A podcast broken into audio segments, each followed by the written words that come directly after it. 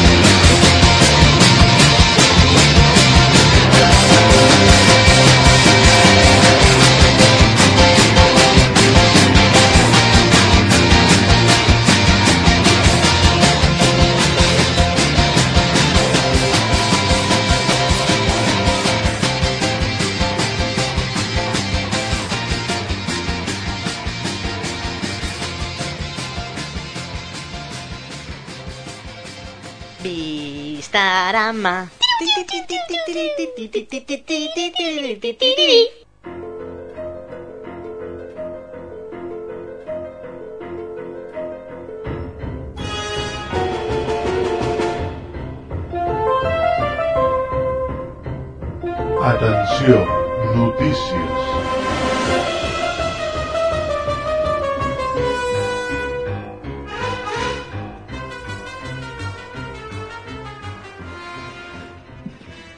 les notícies de la setmana.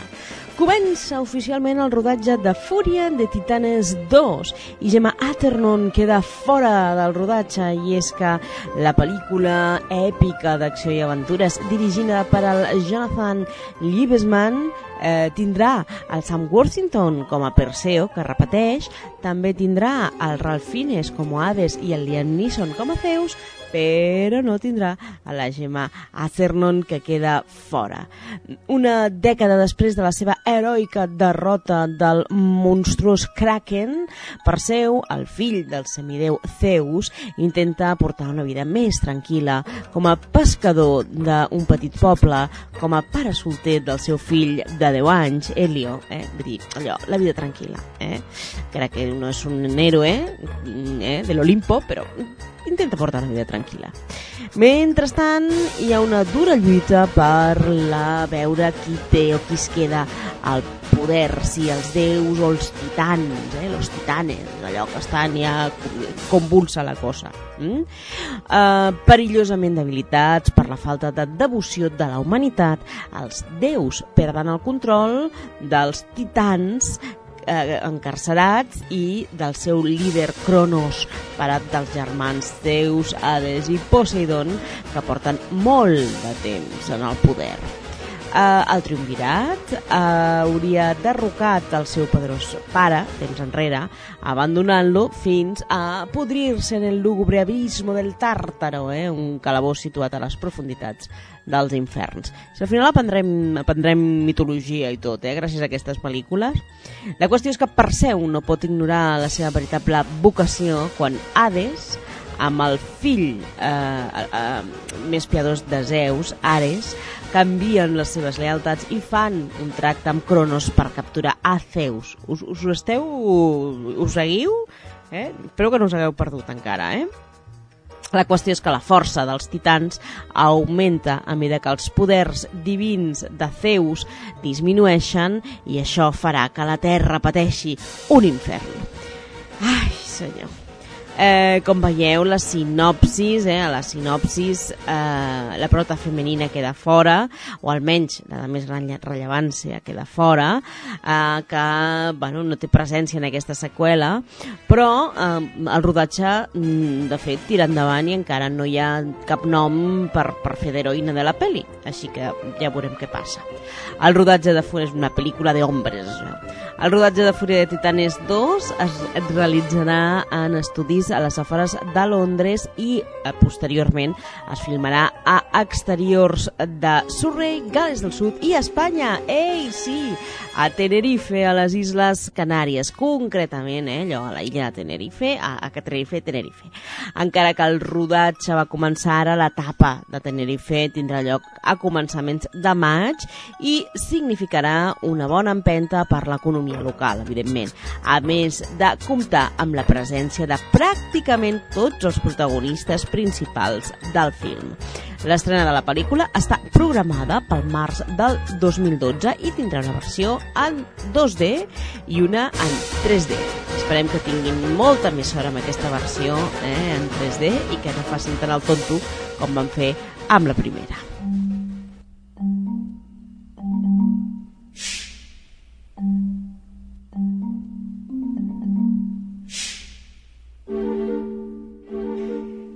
I parlo ara d'un dels actors que més m'agrada, sempre m'ha agradat molt, eh, és l'Alan Rickman, eh, és un d'aquells actors que em, em fascina a la pantalla, em hipnotitza, no? Allò que són, sabeu, que hi ha actors que tenen aquest poder, no? Doncs a mi l'Alan Rickman em passa això, quan el veig en una pel·lícula doncs quedo absolutament hipnotitzada. Mm?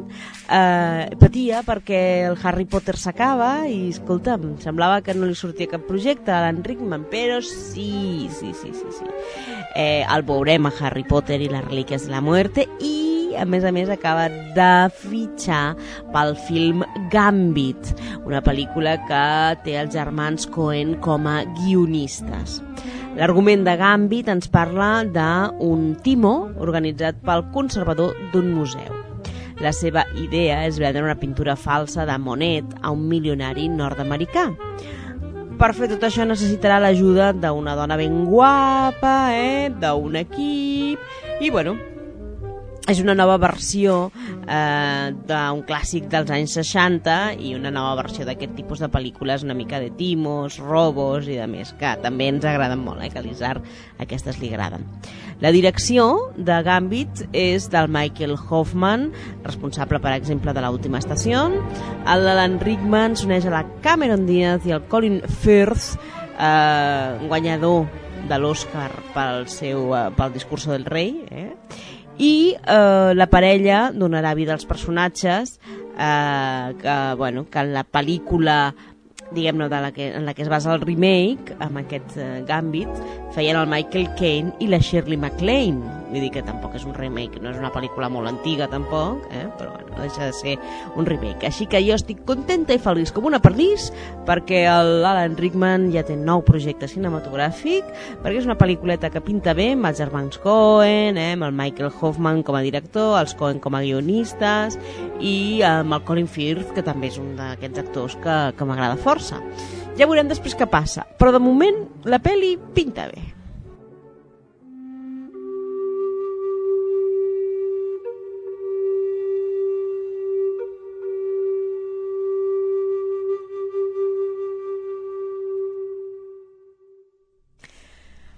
Ha arribat la primera imatge oficial de la pel·lícula Monte Carlo, protagonitzada per nombroses cares del panorama musical i cinematogràfic juvenil. Hem d'anar prenent nota perquè, clar, ens coneixem els nostres actors eh, potser per generació, però hi ha tota una nova fornada d'actors que, que, bueno, que ja us dic que hem de començar a prendre nota perquè són les cares del mañana. Eh?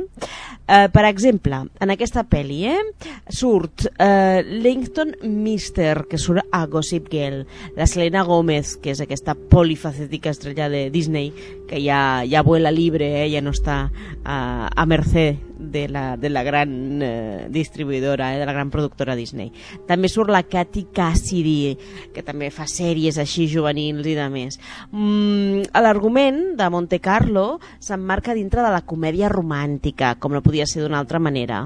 Eh, en ella, un grup d'universitàries viatgen fins a Europa a tenir aventures, eh? Eh, concretament a la fascinant i luxosa ciutat de Monte Carlo que els agrada això als americans de venir a Europa a córrer aventures i ja si són glamuroses de lujo i hi ha mucha pasta i és com ah, eh? això els encanta, els encanta, els encanta somiar amb tot això i això el més greu és que ho estan fent extensiu eh, en el nostre jovent, aquest eh, model americà de, de disfrutar amb aquestes coses i de les puestes de largo així. aquí ja n'hi havia, eh? però molt a l'estil americà eh? amb aquests programes que fa l'MTV no? de, de mm, Felices 16 i aquestes històries una mica mandra, això, una mica mandra, eh? A veure si doneu canya als vostres fills i això eh, podem maturar-ho d'alguna manera, eh? Bueno, en fi, la qüestió és que és un argument, com us deia, llest i preparat perquè els fans d'aquest juvenil repartiment puguin disfrutar com ja veiem des de la primera fotografia, d'un bon nombre d'actrius divines de la muerte en situacions de cuentos de hadas moderno, eh? Beverly Hills com pincelada europea. Continua així la carrera cinematogràfica de la jove Selena Gómez, que fins ara havia estat més ficada a cintes purament familiars.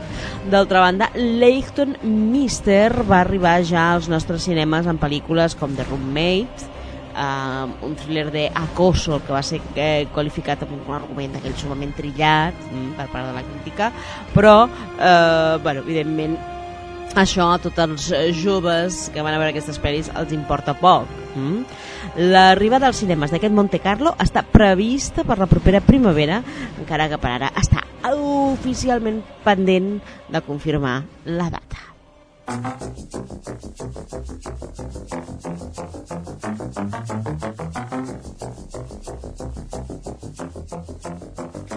Torrente 4, la última pel·li del Santiago Segura, segueix arrasant a la taquilla de cinema aquí a Espanya.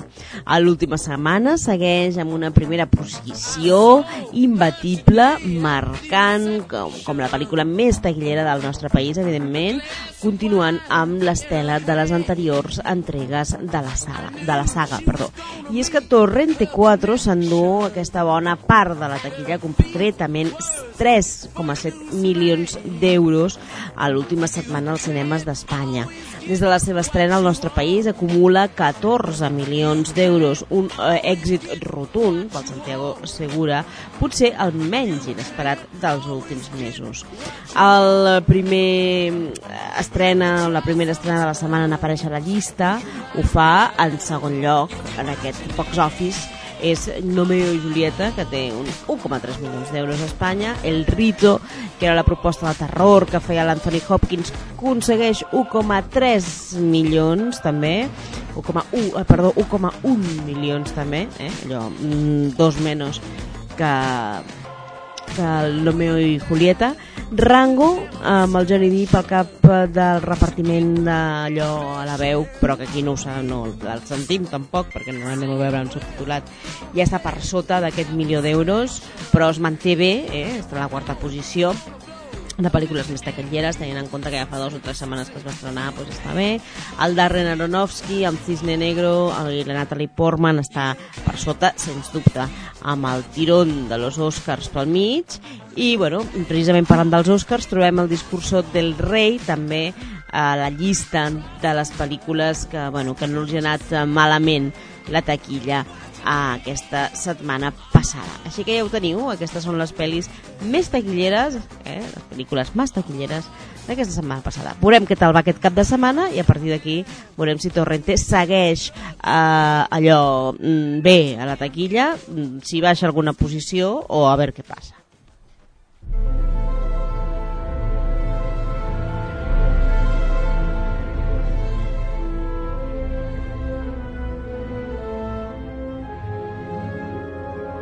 Desafío total. Què sabem de Desafío Total? Ah, doncs mira, sabem que l'actriu Kate Bushworth és una de les candidates per interpretar-la. La llista és llarga, eh? se suma aquesta noia. El relat del Philip K. Dick tindrà el Colin Farrell en el paper de protagonista.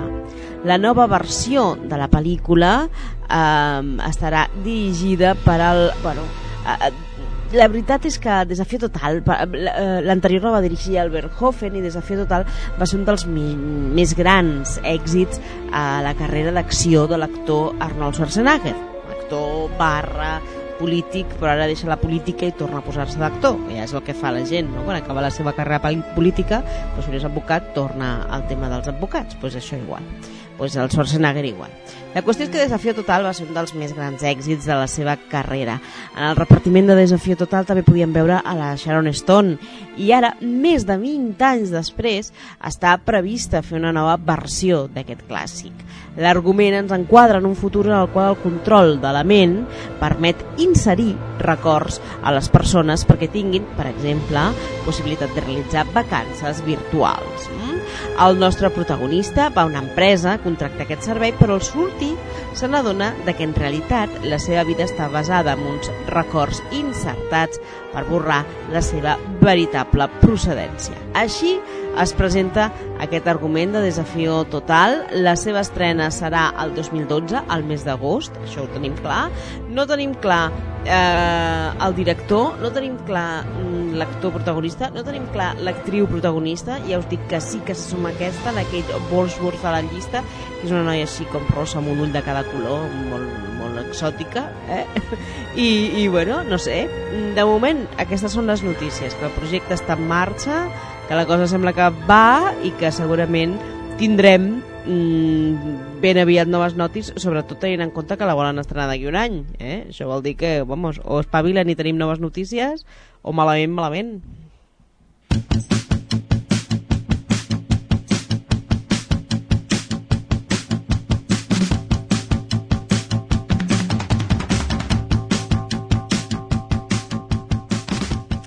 Ai, xiques, quina gràcia això, quina gràcia i que bé i quin bon rotllo. Tom Selleck torna a la tele amb Blue Bloods, una família de policies. Ah, quina gràcia. Sí, perquè a més a més últimament eh, amb la TDT he recuperat eh, Magnum i escolta, quina gràcia veure el Magnum una altra vegada, eh? No passa mai de moda. no, la veritat és que el Tom Selleck es va fer famós amb el Magnum, eh, després, bueno, va sortir a Friends, que estava fantàstic, va fer alguna pel·lícula més i, escolta, em sembla que és un tio eh, molt agradable realment, a més a més de, bueno, ser un guapo del cine, eh? Uh, un guapo en la línia una mica també Rock Hudson, eh? Uh, Tom Selleck. Doncs amb el Tom Selleck en aquesta sèrie Blue Bloods podem veure també a Donnie Wahlberg, el germà del Mark Wahlberg. És una sèrie centrada en una família de policies de Nova York en la qual la dedicació al cos és la prioritat sobre totes les coses. Mm? Aquesta sèrie, la gent que tingueu satèl·lit la podeu veure, a, o satèl·lit o no, aquestes coses que hi ha ara, la podeu veure al Fox Crime. Eh? Tots els dijous a les 21 hores, allà la teniu. Una sèrie creada per Mitchell Brooks i Robin Green, tots dos guionistes de Los Soprano. Aquests Blue Bloods eh, eh, arriba a Espanya, com us deia, aquest mes, exclusiva de la Fox Crime, el canal dedicat a la ficció de crimen i investigació eh, de la Fox. Eh, aquesta pel·li, doncs, eh, sobretot és allò Uh, jo crec que, que el, el tirón principal és aquest, aquest Tom Selleck, fa gràcia, té els elements propis de sèries de sagues familiars, eh? Uh, molt, mucho cachondeo, algo d'investigació, l'argument, diguem-ne, que va al voltant d'aquests dos personatges, uh, que d'alguna manera, doncs, uh, de la família, de com un dels membres de la família mort, en concret el, el quart fill, eh, germà, també policia, ha caigut en un acte de servei que no s'ha aclarit mai.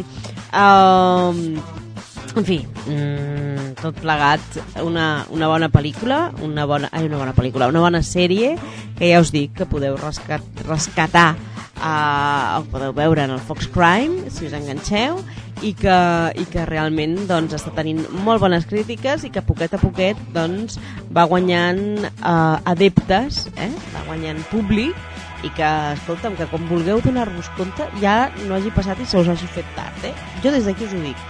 Apunteu-vos el nom Blue de azul, Bloods, de sangre.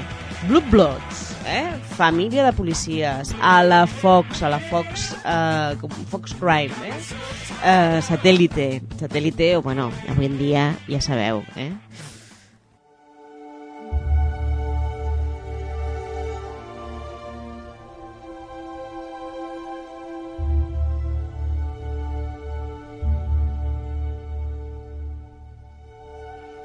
Hi havia un projecte, eh, el World War Z, que ha quedat congelat eh, esperant financiació, finançament. És perquè, clar, això de la crisi, pues, bueno, es veu que sí que a la llarga ens afecta a tots.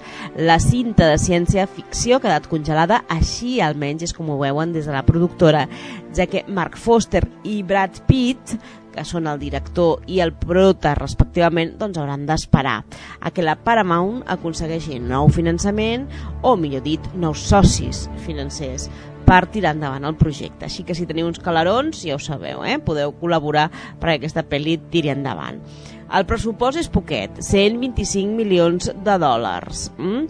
Això va quedar així després d'una primera reducció de pressupost, però sembla ser que la novel·la del Mark Brooks eh, no és una cosa molt fiable per la productora, molt segura, eh, de taquilla segura, que, eh, bueno, de fet, ha fet que la Paramount s'ho pensés a l'hora d'apostar aquests 125 milions per ella. Mm? Uh, això és el que us dic, tots aquells que vulgueu posar els vostres calarons ho podeu fer, encara que més aviat el que s'està buscant és un fort grup d'inversors es faci càrrec de la meitat del cost, així que si teniu 62 milions de dòlars i voleu fer una pel·li, aquest és el vostre moment. L'argument ens parla d'una guerra entre humans i zombis, en ella es relaten vivències de diversos supervivents que han aconseguit sortir ben parats de situacions extremes des de l'inici de la batalla amb el paciente zero fins la conclusió de la mateixa. Mm, bueno, escolta, Brad Pitt com a prota, no sé, jo crec que té tirón, eh? Així que, bueno, penseu-vos-ho, això d'invertir uns quartos a, en cine americano, eh? Penseu-vos-ho.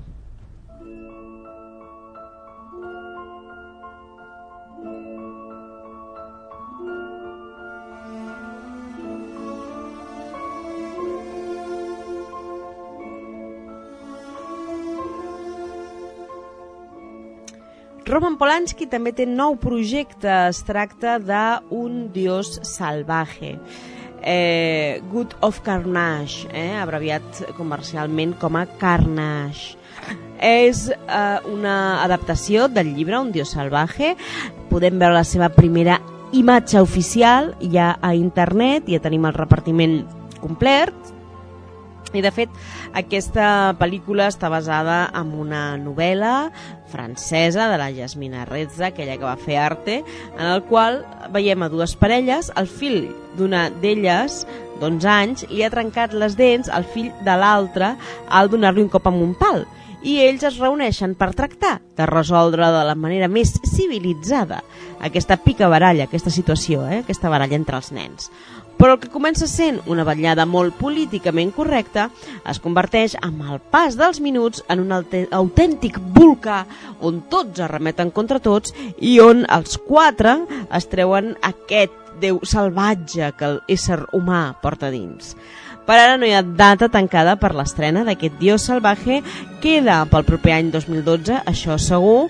Eh, L'última pel·li del Polanski va ser L'escriptor, un interessant thriller amb tintes de conspiració internacional, eh, amb l'Ewan McGregor com a prota i el Pierce Brosnan com a ex-primer ministre britànic, i ara doncs, eh, ens arriba aquesta imatge amb la Jodie Foster com a prota, i que bueno, la el llibre és bo i la pel·lícula pot triomfar. També s'ha fet una obra de teatre aquí, eh? o sigui que és un d'aquells eh, textos que, que més o menys són bastant... Eh, de fet, és una obra de teatre, no és una novel·la. Mm? Una obra de teatre bastant cinematogràfica i jo crec que portada al cine pel Polanski, la veritat és que pot triomfar, té bona pinta, té bona pinta.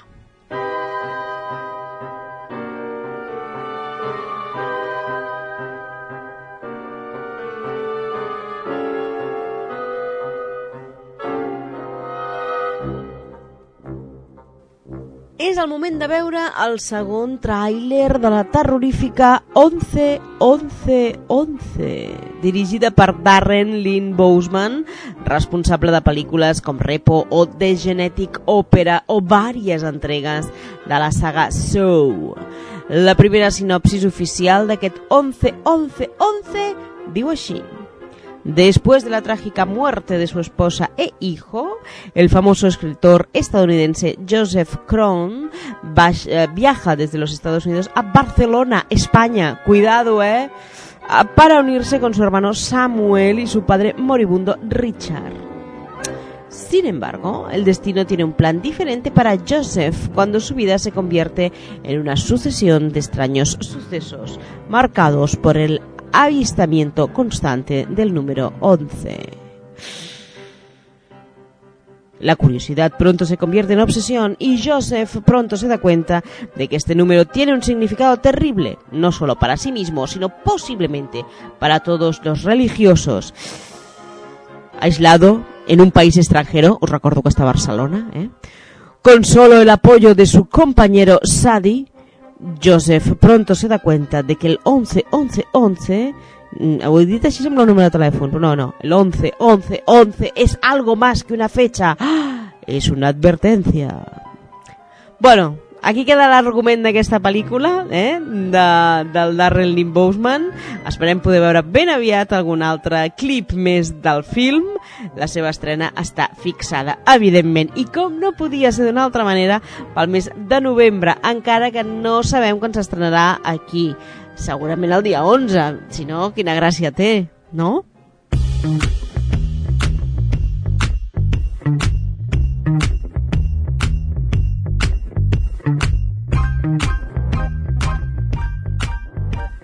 Resident Evil. Resident Evil que ja va por la quinta peli, eh?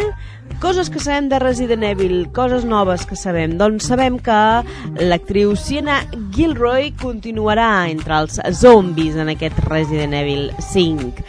Repeteixen Mila Jovovich, repeteix Ali Larter, les noms, com us deien, noms confirmats. Sienna Gilroy ja va participar en anterioritat a les pel·lícules de la saga, Apocalipsis, i a la última, a Ultratumba, eh? Resident Evil Apocalipsis i Resident Evil Ultratumba, i sembla que repeteix amb aquesta franquícia Resident Evil eh, que eh, es, no té títol encara, però bueno, de moment Resident Evil 5. Com és d'esperar, Mila Jovovich Jovovich retorna, retorna al seu paper de protagonista.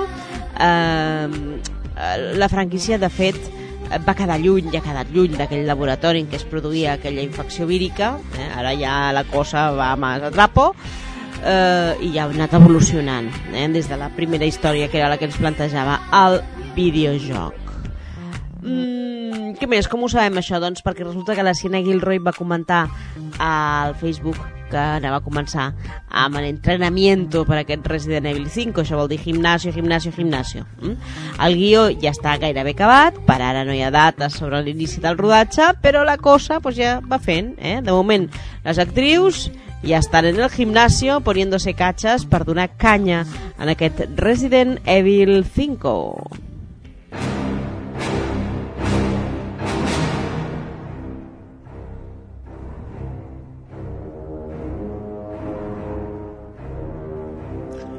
¿Y qué farà el Robert Pattinson quan s'acabi el tema de los vampiros? Què, fa, què haremos cuando acabemos? Doncs bueno, mmm, projectes no li falten. La veritat és que el seu nom està en tots els rumors sobre qualsevol projecte sobre còmic i similars que eh, s'estreni. Si fa uns dies es parlava d'ell per ser el nou Daredevil, molt probablement en David Slade a la direcció, Ara el seu nom figura a la llista de candidats, suposadament finals, per donar vida al Tetsuo de Akira. Ja no queden molts actors que no passaran per al titular d'Akira. Fa uns mesos era un altre ídol d'adolescents, com Zac Efron, eh, aquell que feia, quin era el High School Musical, mm? Que apareixia com a candidat. Ara és el moment de veure aquesta llista una mica més extensa en la que no falta gairebé ningú i en ella, a més a més, del Robert Pattinson, que com us deia actualment està rodant Amanecer uh, i Amanecer 2. També trobem a Andrew Garfield, el nou Spider-Man del cinema, que és el de les redes socials El Moreno, eh? l'amigo, que li deixa els quartos primer. Mm. També tenim a Chris Pine, protagonista de la nova saga Star Trek, del JJ Abrams. També tenim el Michael Fassbender i el James McAvoy, tots dos a X-Men First Class. El Justin Timberlake, que també sortia a la red social, eh? bueno, i que para que és cantant i demás. Justin Timberlake, per això, ja és un pèl més grandet, eh? però encaixaria amb aquesta generació. I el Joaquin Phoenix, que ja és mm, bastant més grandet. Mm? Si bé tots ells eh, sonen per al mateix eh, rol, el Tetsuo, podria ser que algun no es quedés amb el paper de Tetsuo, ja us dic, suposo que per edat ja podria ser el Timberlake o el Joaquin Phoenix, eh, però sí que es quedessin a la producció, dintre de la producció d'Akira. Ara la pregunta és, falta algun més a la llista? Potser sí, a la Bœuf falta, eh? el del Transformers potser falta, potser sí d'aquí dues setmanes ja diuen que també serà el nou Tetsuo, es considerarà el nou Tetsuo, no sé. La producció d'Akira segueix en marxa i la seva estrena sembla voler fixar-se per l'any 2013. Haurem d'estar atents a aquest ambiciós projecte que té el Leonardo DiCaprio a les tasques de producció.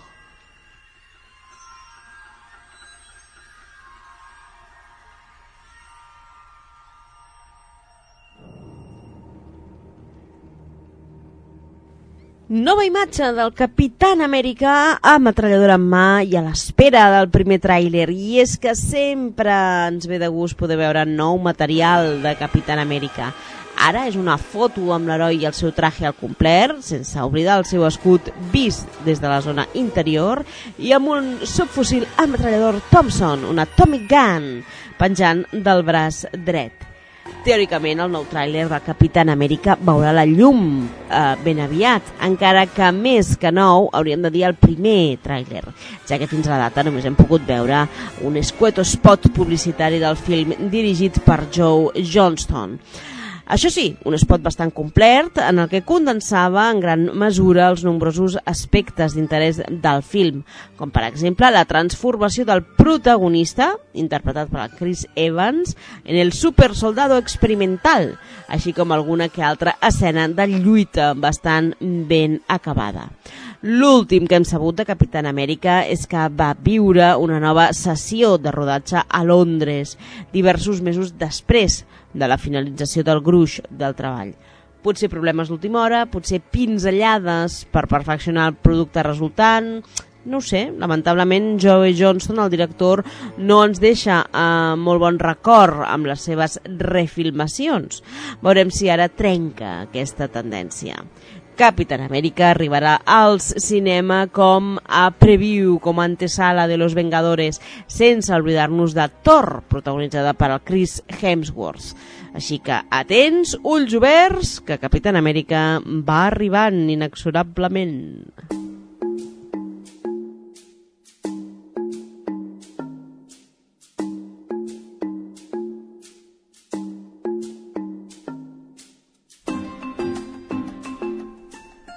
Des de fa gairebé un any es parla sobre el nou projecte cinematogràfic de Cleopatra, amb l'Angelina Jolie gairebé com única protagonista possible, almenys és l'única que ha sonat com a candidata, i el David Fincher, Fincher com a director.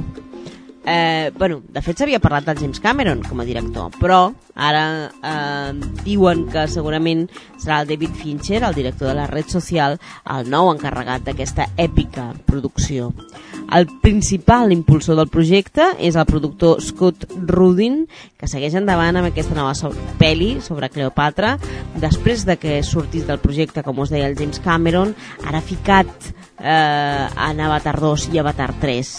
David Fincher és el que han tentat per dirigir un més que interessant projecte.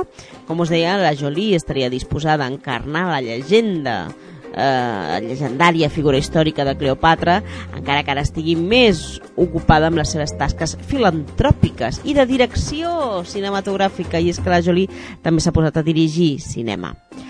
La pel·li sobre Cleopatra eh, s'explicaria des del punt de vista de la reina d'Egipte, però tindrà que esperar algun temps per rodar, almenys fins a finals del 2013, ja que David Fincher es troba actualment amb la nova trilogia Millennium. A més, també té pendent encarregar-se d'una altra revisió, la de les 20.000 legües de viaje submarino. Ahí és nada, eh? David Fincher és un bon director. Jo crec que, que ens divertirem molt tram veient el Millennium passado a la versió americana, això sep ser, com aquesta revisió de les 20.000 legües de viaje submarino que, vistes avui, poden tenir molt de, molta xitxa. Ja ho veurem, eh? Ja ho veurem. De moment, per Cleopatra, fins al 2013, res.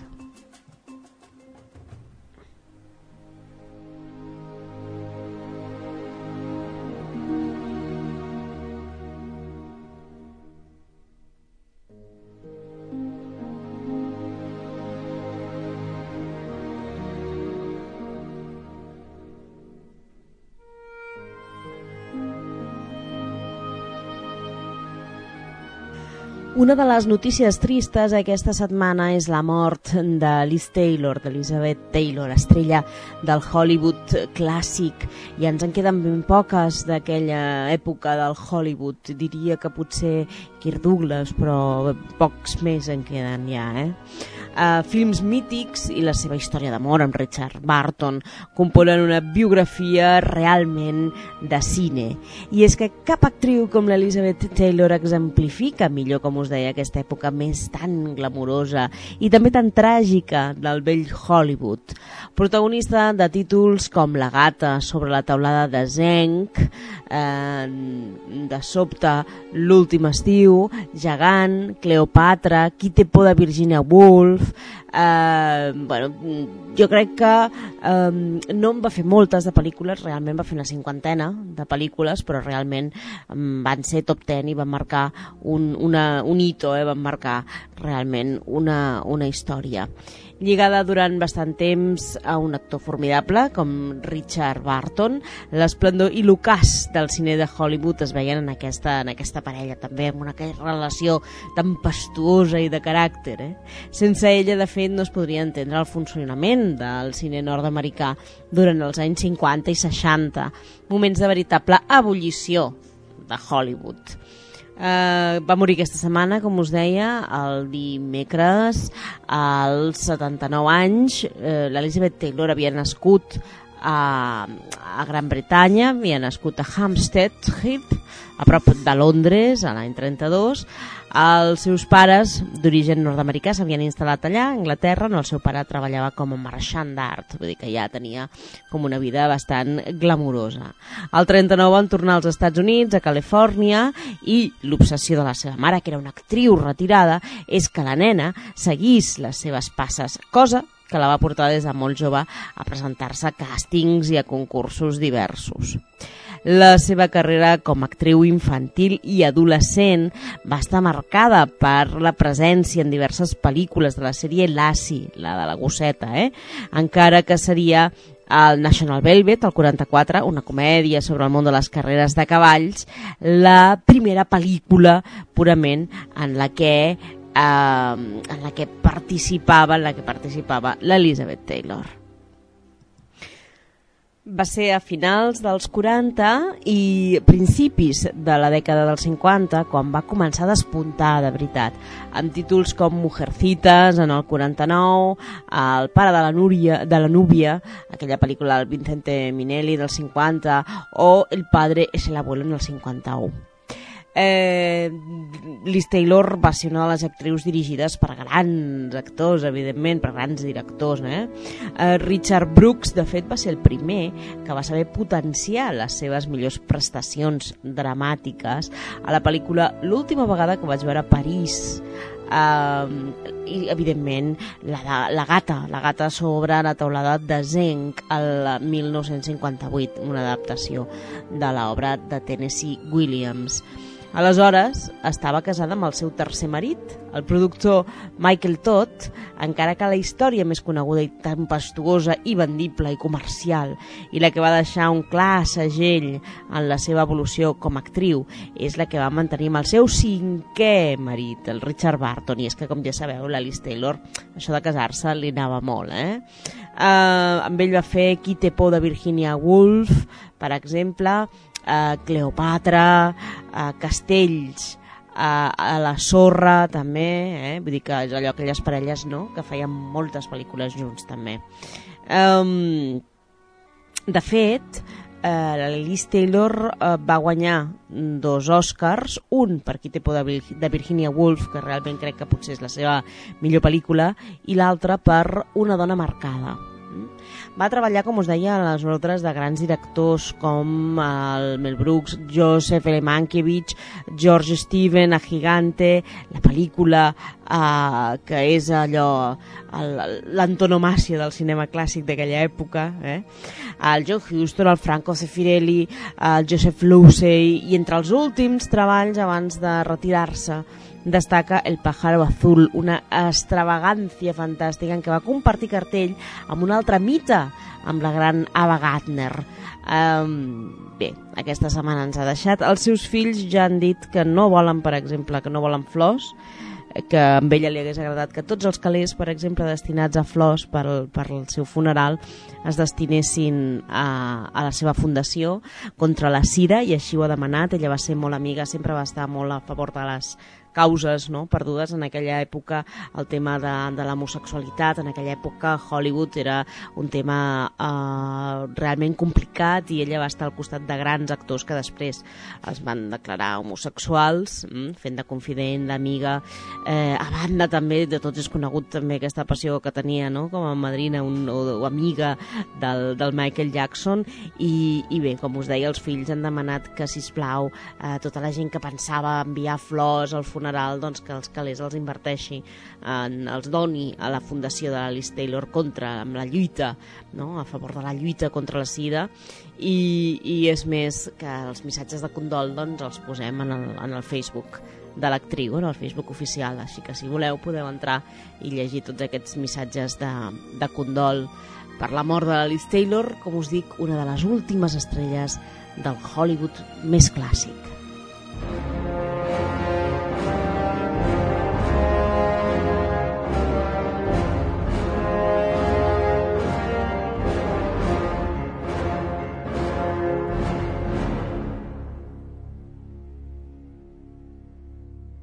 Vistarama.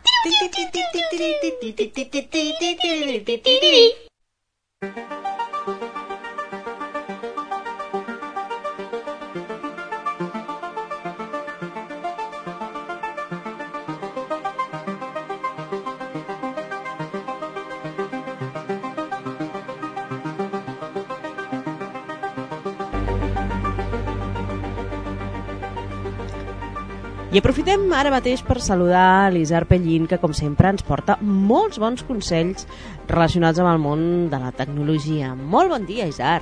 Molt bon dia. Què tal, com estem? Doncs bé, anem fent. Ah, bé, jo me n'alegro. I, I jo també. També, no? Uh, què ens explicaràs? De què ens parlaràs avui? Doncs, si les setmanes passades vam parlar una miqueta del que eren les pantalles planes, Sí? per orientar-vos o desorientar-vos encara més en la búsqueda de la televisió perfecta, avui parlarem d'un altre sistema que és el projector. Mm, molt bé. El projector, uh, com? A veure, el explica'm bé, projector explica-m'ho de bé. vídeo. Explica-m'ho bé, això del projector de vídeo. Eh, tradicionalment sempre hem tingut dos sistemes per poder veure l'audiovisual, que un ha estat sempre la, la tele i Ahà. l'altre és el cinema. I el Ahà. seu defecte més tard, el cinema a casa, que el podem veure, doncs, en el seu moment també es va veure amb un projector de, de cinema, però aquests de, de Super 8 o de, de 16 mil·límetres com a molt. Jo havia vist, mm, ara quan dius això de, de, dels principis, havia vist projectors molt grossos, això és possible? Amb llums, amb, amb diverses llums i coses d'aquestes, això és Bueno, això possible? amb tres possi llums? possiblement ho va somiar, però, però sí que és... Eh, sí que abans, quan no existia el vídeo, eh, abans Mhm. que existís el VHS, ja hi havia un mercat domèstic, i aquest mercat domèstic estava, era el Super 8, i hi havia algú que també tenia 16, 16 mil·límetres, que és un format que encara s'utilitza molt per, per curtmetratges, eh, inclús per publicitat. Eh, els que tenien 16 mil·límetres, doncs mira, també hi havia un mercat de, doncs el mateix que havia la VHS, de, de, de lloguer de pel·lícules i tot això. Cinexin, també. Exacte. doncs, de fet, el, el Cinexin és Super 8. Són pel·lícules de Super 8 Ah, Mira.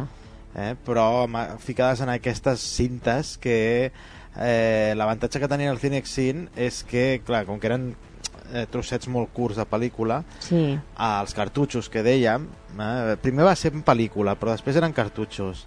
I la gràcia que tenia és que dins del cartutx la cinta estava empalmada de manera que era contínua. Ah, no ho sabia. Jo no havia tingut mai eh, un Cinexin. Jo eh, sóc una pèl més antiga que tu. Jo tenia un Cinenic, que era, anava en paper, anava Sí. en paper i una, i una bombeta.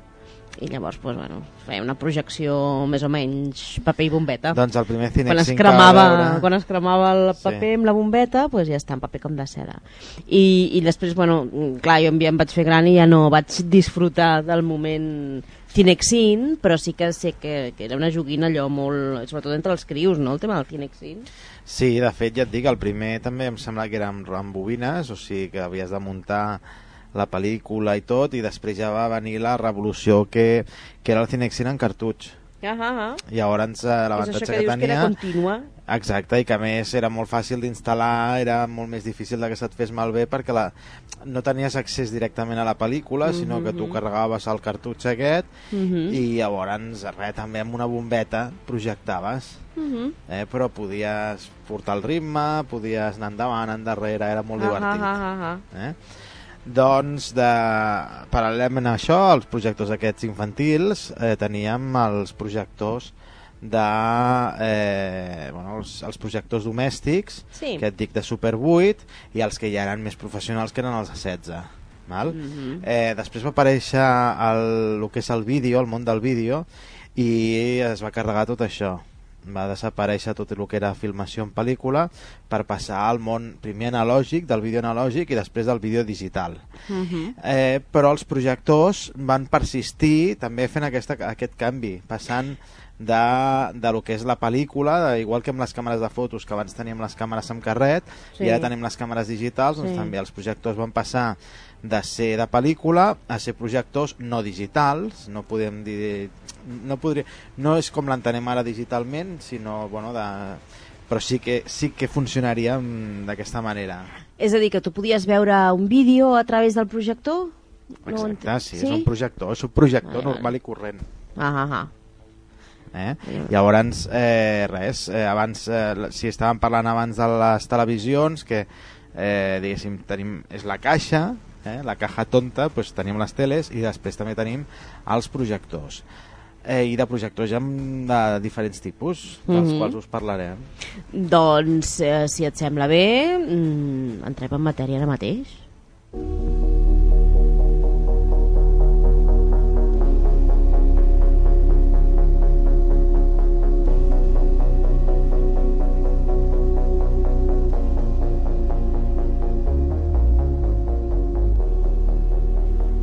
Quin és el primer projector del que anem a parlar?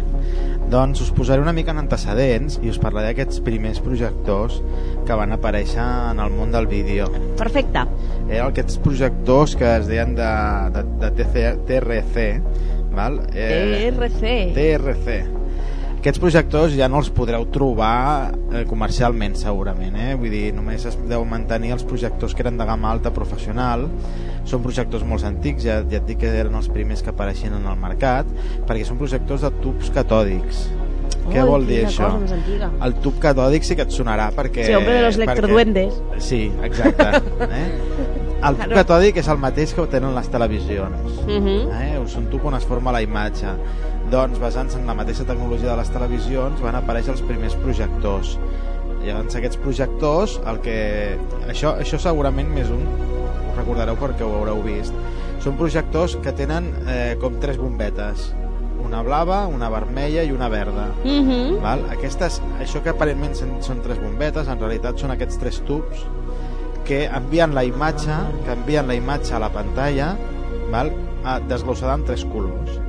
Totes les imatges sempre, sigui un televisor, sigui un projector, sempre funcionen amb, tres, amb aquests tres colors bàsics. Val? Amb el verd, amb el vermell i amb el blau. La combinació d'aquests tres colors forma el blanc i el no haver-hi llum, o sigui que no hi hagi cap d'aquests colors, forma el negre. I la mescla de qualsevol d'aquests tres colors forma qualsevol altre color. Uh -huh. Eh? D'aquests del- d'aquests 16 milions de colors que ens, que ens diuen Uh -huh. eh? que hi ha, en- hi ha en pantalla. És, eh, fu- funciona igual que la pintura. Quan parlem d'una quatrico, quatricomia, Uh -huh. quan fem, portem a imprimir una cosa i ens diuen en quatricomia, sí doncs eh, la quatricomia no deixa de ser això és un vermell però que en, en, la, la pintura és una mica diferent perquè és el magenta com el que seria el blau és cian Uh -huh. eh? I després tinc el groc que segueix sent groc i ells Pobre. afegeixen perquè és quatricomia perquè ells tenen que afegir el negre Clar. D'acord? Eh, nosaltres en pantalla, com que estem parlant d'uns colors que, que són llum, o sigui, són colors brillants, el negre no el necessites perquè és directament l'absència d'aquesta llum. Uh -huh. Per lo tant, no la necessites. I el blanc tampoc el necessites perquè el blanc es forma eh, amb la unió de tots els colors. Mhm, és la barreja de mica, tots. Funciona una mica diferent de com seria sobre paper. Mm, No és el mateix la, els colors llum que els colors eh, sobre paper, d'acord? Mhm, mhm. però, però més o menys, eh? ja veus que Entesos. l'estructura és Sí, més sí, o sí, menys sí, sí, sí, similar. sí. Doncs aquests primers projectors, que com us deia es deien de TRC, Mm. val, de tubs Aquests catòdics, són els que et deia jo, que hi havia bombetes. les bombetes seguiran havent-hi Vale. en tots, eh? Vale, vale. però aquests, el particular que tenien era això, que són tres projectors eh, que llavors eh, cada un d'ells emet la imatge amb el color que li pertoca i depenent de la intensitat que té aquest color Uh -huh. doncs formarà sobre la pantalla la unió d'aquests tres colors doncs, eh, si li poses més blau doncs, eh, et sortiran una gamma de colors més blaves la combinació de diferents d'aquests tres colors formen la imatge total Correcte. Val? El problema d'aquests projectors és que, clar, era una primera tecnologia, era una tecnologia que requeria una màquina molt gran, molt pesant, i després, a part, eh, era una màquina, no és com ara que ara eh, tenim projectors que podem portar a la butxaca i que a més els projectors són molt fàcils de portar amunt i avall, sinó que aquestes màquines requerien estar quietes perquè eren molt sensibles, eren molt Estaven- fràgils, i un altre fet mm, important, i és que eren, costaven moltíssim, moltíssim d'ajustar, perquè un que tenies que ajustar les tres lents perquè projectessin la imatge eh, correctament, Uh -huh. eh, això requeria un bon ajust. Si no, eh, els que, els que ho heu pogut eh, veure aquests projectors, aquestes projeccions, Uh -huh. eh, segurament us en recordareu de que un dels errors més típics és que si el, el projector no estava ben, ben configurat, doncs eh, els colors no encaixaven. Es veia la manera- línia d'algun color, o de Exacte. groc, o verd, ve així Exacte. la silueta. Sí. Eh, bé, van partir d'aquests eh, d'aquests projectors que com veieu és la mateixa línia d'evolució que les televisions, eren amb tubs sí. val? i eh, després quan també vam deixar de produir de, de treballar amb el tub per eh, passar-nos a l'LCD Uh -huh. com ja us, vam us vaig explicar amb les televisions, doncs paral·lelament els projectors també van evolucionar cap a l'LCD Ahà. D'acord? Com ho van fer? Doncs molt senzill. Eh, com us explicava, els LCDs són les pantalles de cristall líquid. Val?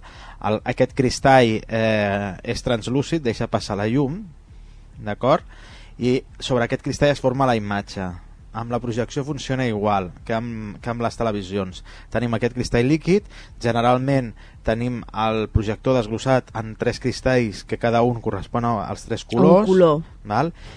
Igual que funcionava els tubs catòdics, doncs aquí també tenim, els tenim desglossats en tres colors, però tot aquest funcionament està dins de la, de la De màquina. la màquina. Eh? Ahà. No tenim tres, tres, eh, tres projectors, sinó que, que és només un, però eh, cada cristall líquid representa un color. A través d'aquests cristalls passa la llum val?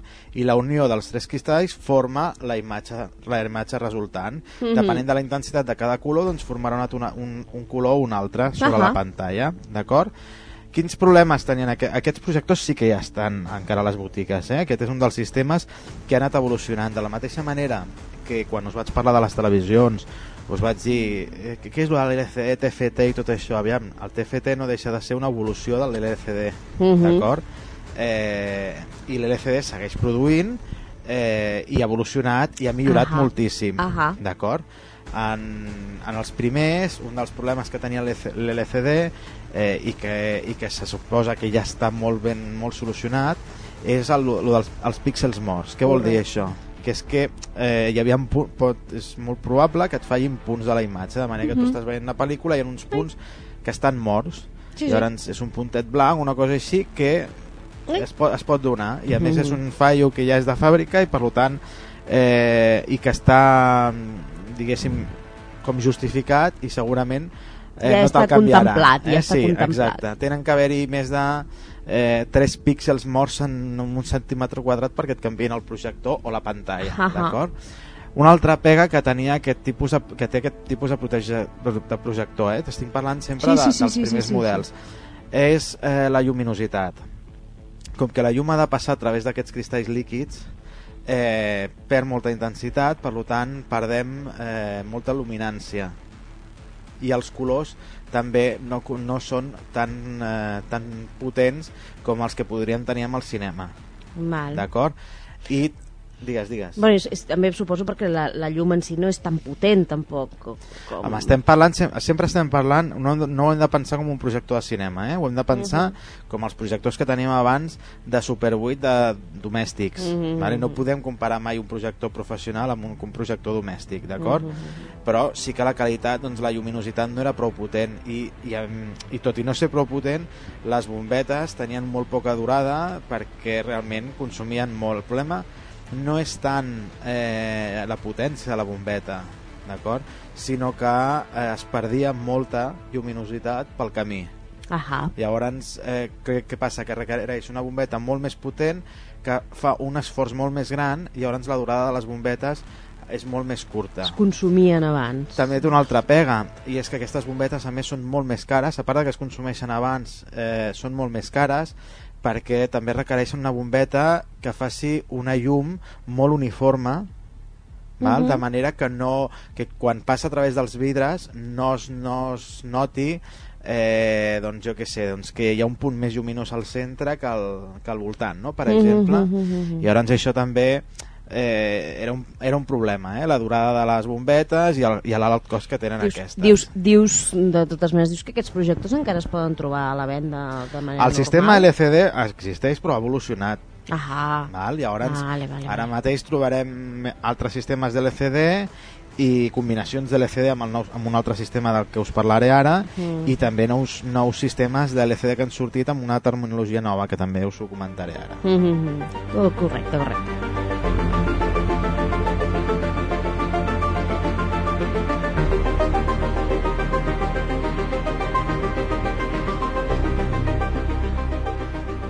Estem parlant dels projectors, hem parlat una miqueta, hem fet així una miqueta d'història amb els més antics, hem vist l'evolució cap a l'LCD i ara, què és el que ens podem trobar ara a l'hora de comprar, si el que volem realment és comprar un projector i no una tele? A veure, explica'ns, Isaac, què és el que ens trobem a les botigues? Doncs, eh, com us deia, també a l'LCD el seguireu trobant, o sigui que no us espanteu si el veieu, perquè no té per què ser aquesta tecnologia més primitiva del que us parlava ara. Eh? Eh, hem parlat primer del, dels projectors de tub catòdic, després la de l'LCD i posteriorment la que va arribar és la de DLP. Val? És una tecnologia que més que aquí vam poder disfrutar eh, com a bastant pioners en el món perquè el, alguns cinemes van ser els primers en Europa i pràcticament en tot el món en, en instal·lar-la. Jo me'n recordo que vam anar a veure la presentació de eh, Fantasia 2000, Mhm. una ver- reversió de Fantasia de la Disney remasteritzada en digital que la vam poder veure als cinemes, fes-me memòria, als Paramount... No, va ser als allà Cines a Diagonal, els Diagonal. No? Exacte. Allà. Eh, I que, clar, era una novetat perquè era el primer projector de cinema que existia amb aquesta nova tecnologia. Eh? Fins aleshores els cinemes no havien disposat de projectors digitals. Eh, potser sí que hi havia algun cinema molt petit que en tenia algun per fer algunes projeccions molt limitades, però clar, no és només tenir el projector digital, sinó que tens que tenir la pel·lícula amb aquest format. Ah. Vale? Estem parlant d'un format en alta definició, que també inicialment re- requeria un cost molt elevat perquè si hi havia pocs cinemes que ho tenien doncs clar, la conversió de la pel·lícula en aquest format eh, era molt car així com la pel·lícula doncs, eh, com que era habitual i hi havia molts cinemes que s'utilitzaven pel·lícula doncs, quan, quan més producte en tens més baix és el cost Mhm. i en canvi aquest eh, paradoxalment era molt més car sense haver-hi Uh sense haver la pel·lícula sense haver-hi la despesa eh, física, econòmica de lo que val la El- el pel·lícula suport, perquè no? els projectors digitals disparen directament des d'un disc dur Mhm. que es pot reutilitzar tantes vegades com vulguis No tenies la bobina, eh? Exacte, no tenies el exacte. film purament. tot i no tenir la despesa física del material eh, sortia molt més car Mhm. val? semblava que la cosa s'havia parat i ara, ara amb el món del 3D s'ha revolucionat molt i ara tots els cinemes tenen projector digital Mhm. I sobretot també ha estat una mica el ressorgiment de les sales petites perquè amb els projectors digitals doncs, poden re reduir molt, més el, molt el cost de tot Mhm. val? perquè dic, ja no hi ha ni ja no hi ha pel·lícula física ni res, sinó els arxius es transmeten per disc dur, inclús Mhm. no, crec, no sé si s'haurà arribat a fer, però la seva filosofia i la seva idea original era que, que la informació s'enviés per fibra òptica de manera que els, les pel·lícules només se les tenen que descarregar per entendre'ns d'internet Mhm. a través de fibra òptica. Eh? Eh, I a més és una tecnologia que tot i ser resultant més econòmica ens l'estan cobrant més cara perquè totes les projeccions digitals Cobren un eurito ens cobren no? un euro més o sigui que Bueno, encara és és, que més les tecnologies ja és això. però no, eh? no ens desviem parlàvem No. de la tecnologia DLP Sí. d'acord? aquesta tecnologia dissenyada per Texas Instruments eh, funciona molt diferent a les dues anteriors que t'havia explicat per increïble que sembli aquesta tecnologia el que té uns micro miralls micro miralls Mm. d'acord? Que reflexen la llum. Llavors, la llum de la bombeta, eh? la llum de la bombeta es dispara directament sobre una superfície que és com un mirall, com un mirall mòbil, d'acord? I, a- i, I al mateix temps passa a través d'un d'un prisma que té els colors bàsics. Té el vermell, el verd i el blau, d'acord? O sigui, la llum passa per un prisma i després es reflexa en un mirall, d'acord? Mhm. i, i la llum que, que, és, que surt reflexada depenent de la inclinació del mirall i de la posició amb més o menys intensitat és la que surt per l'objectiu i la que se'ns projecta a la pantalla però heu de pensar lo microscòpics que són aquests miralls Mhm. per, perquè cada un d'ells forma els píxels de la pantalla eh? o sigui que estem parlant eh, per molt sorprenent que sigui realment és així o sigui, estem parlant de que amb el tamany d'un xip d'aquests de, de Texas Instruments que podria, vindria a ser per exemple el tamany d'un segell Ahà. d'acord?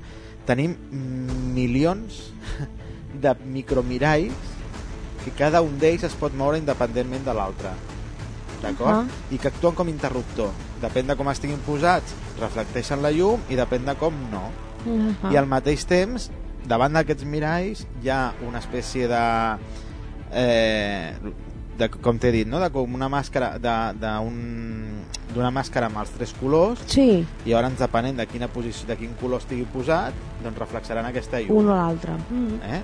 Quin avantatge té el DLP? El DLP com a avantatge té és eh, un cost més reduït, eh, els, la, la lluminositat és molt alta perquè la llum no passa a través de- d'uns cristalls que aquests cristalls el que fan és que vagi baixant la luminositat Mhm. A mesura que va sinó passant, es va- que directament es reflexa llavors depenent de la, de la inclinació dels miralls eh, es reflexarà més o menys Mhm. d'acord? No per força, diguem-ne. Haz de luz no, no per aviam, força. es pot perdre una mica, però Bueno. clar, no és la quantitat de llum que es perd de, de la mateixa... Llavors, què ens permet això?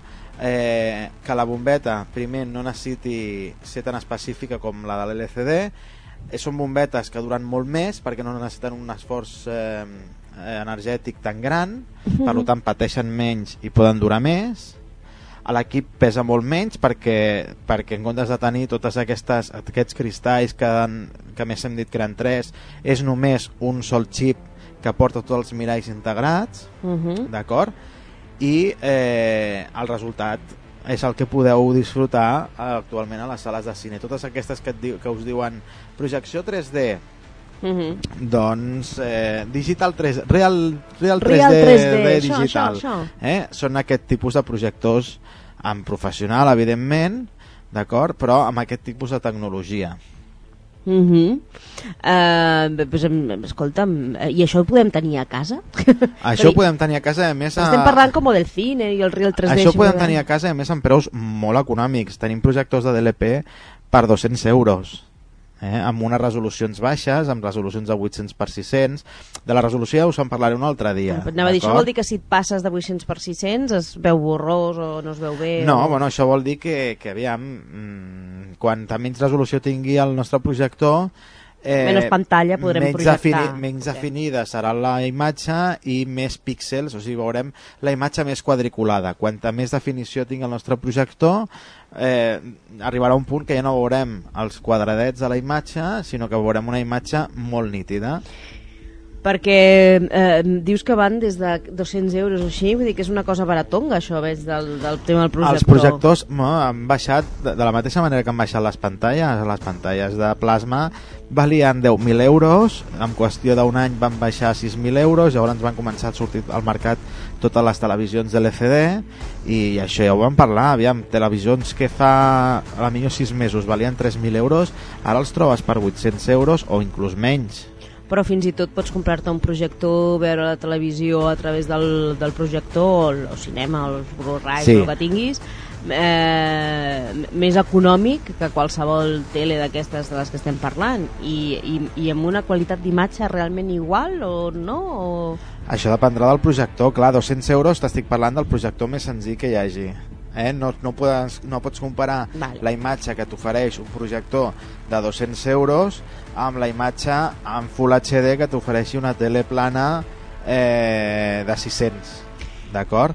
Ara, també t'he de dir que amb un projector eh, depenent de les condicions de llum que hi hagi a la sala pots tenir una pantalla de 10 metres i aconseguir una pantalla de 10 metres amb una, amb una tele de plana és impossible Ja, eh? o això et gastes una milionada ja. eh, clar, de, ja et dic, depèn molt de les condicions lumíniques els projectors de DLP al ser molt lluminosos permeten, que això abans també era molt difícil amb els LCD, com que et deia que, que es perdia molt la llum, què passava? Era poc pràctic tenir un projector d'aquests eh, com a substitut d'un televisor Ahà. perquè si tu el tenies al menjador de casa teva encara que no, no fessis una pantalla de 10 metres sinó que fessis una pantalleta jo que sé, de 72 polzades per exemple perquè ens fem la idea d'una tele doncs jo que sé doncs això no, del que us dic les que si aneu a una botiga és, és difícil ser de fer 72 polzades perquè el més normal que trobeu a una botiga és fins a 50 doncs encara, 50 ja és encara grossa. més gran però per exemple una projecció de posem de 50 a 72 polzades d'entre un metro i dos metres d'amplada d'acord? Mhm. eh, què passava? Només que estigués, tingués un menjador en què li entri molta llum del dia, Ja no veus. ja no ho veus. Eh, en canvi ara amb els nous DLPs, inclús per preus molt raonables, com et deia, 200-300 euros, eh, ja tenen 4.000 lúmens de, de potència, són molt lluminosos, i inclús estan en una habitació on entri la llum del dia, podríem veure gairebé perfectament la, la imatge. Una altra cosa és que, clar, si en- entra un raig de sol directament Ja, sobre ja, la pantalla ja, ja. on estàs Clar, projectant... la tele sempre la veuràs i això Ex- no. Bueno, també si, si li dona directament a una Bueno, pantalla clar. de televisor el sol, també és difícil de veure-la. Que, que ha d'haver-hi molta, Però sí. molta llum... Exacte. Eh? Per això et dic Directe. que depenent de les condicions lumíniques, clar, quan més gran vols fer la pantalla, més distància has de tenir el projector i més llum es perd pel camí. Per tant, eh, bueno, si treballem en un lloc en què realment no hi ha massa il·luminació externa i que ens molesti, podem arribar a tenir una, una paret sencera de 10 metres eh, amb, amb la projecció. Eh? el Vull dir diari que... de Patricia, per exemple. Sí, per exemple, sí, és per, per veure-ho tot a la perfecció. Ah, a la perfecció. Com els hi cauen els mocs i tot. Tot, tot, tot, tot, tot. Bueno, alguna cosa més a dir al tema de, de projecció? Doncs res. Tal? Hem parlat Ah, bueno. ja de preus, hem parlat de... Bueno, no sé, tens No, alguna coseta més és a dir tema per acabar? Que, aviam, igual que a les televisions us seguiré parlant, perquè us vull parlar també del sistema 3D per aquests projectors, d'acord? I a més us parlaré d'un sistema que jo he pogut comprovar eh, perquè pugueu veure amb un preu molt reduït pel·lícules 3D a casa vostra.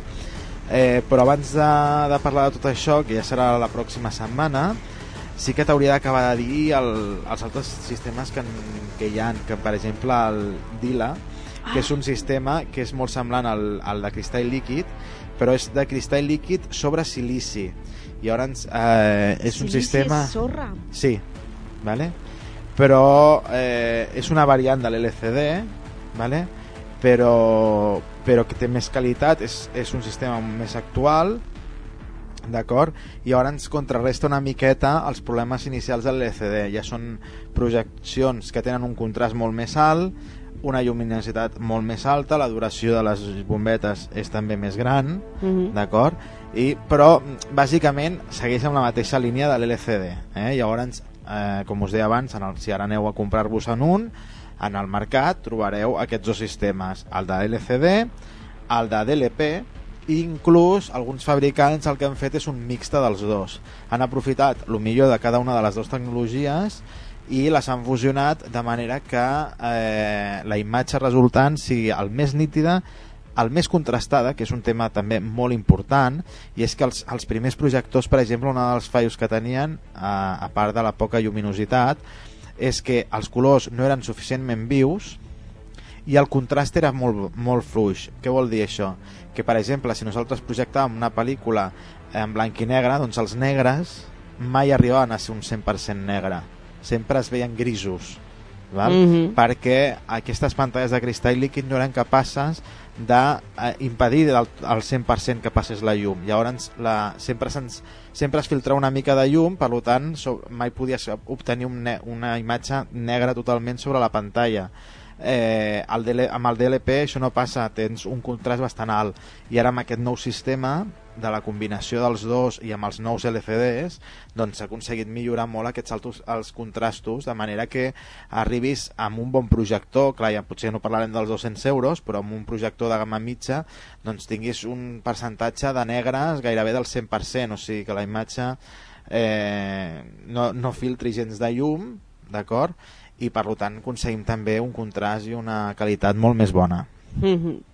Doncs escolta'm, si vols, eh, no sé si tens alguna cosa més a dir, si no ho deixem Res. per la setmana que ve Sí, i exacte. seguim amb el tema, que em sembla que és interessant i pot ser fins i tot una bona alternativa a la gent que potser, mira, no sé, el tema de la tele està bé, però potser volen alguna mica més...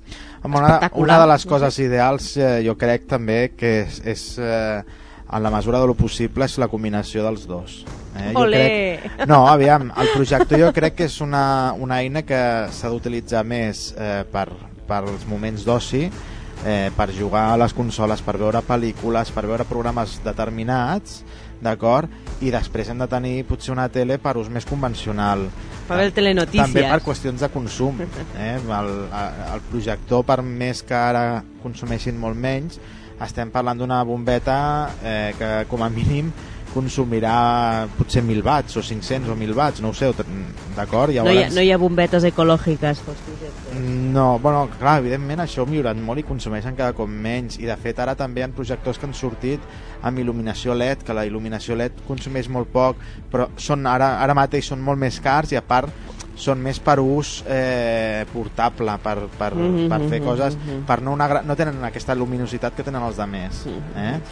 Eh? parlem- parlem-ho si et sembla bé la setmana vinent, Molt bé. perquè si no se'ns tirarà així una miqueta el temps a sobre. I, I si vols, ja et dic, reprenem el tema dels projectors que veig que dona per molt i la setmana que ve li dediquem un, una, altra, una altra secció i parlem més, una miqueta més de tot el tema, de tot plegat, a veure si algú convencem algú perquè s'apunti al tema de, de la projecció. Uh, moltes gràcies, Isar. De res. No, de res. Adeu. Adeu, adeu.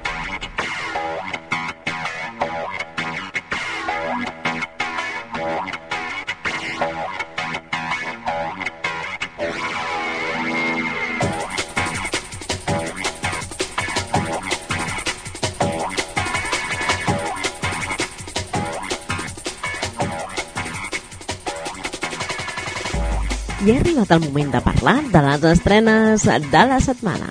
Comencem per El último verano, una pel·lícula francesa, italiana, una d'aquelles comèdies dramàtiques que ens fan riure i ens fan plorar una miqueta de tot. Mm? Eh, la pel·lícula ens parla d'una història que comença a l'estiu amb la gira d'estiu d'un circ.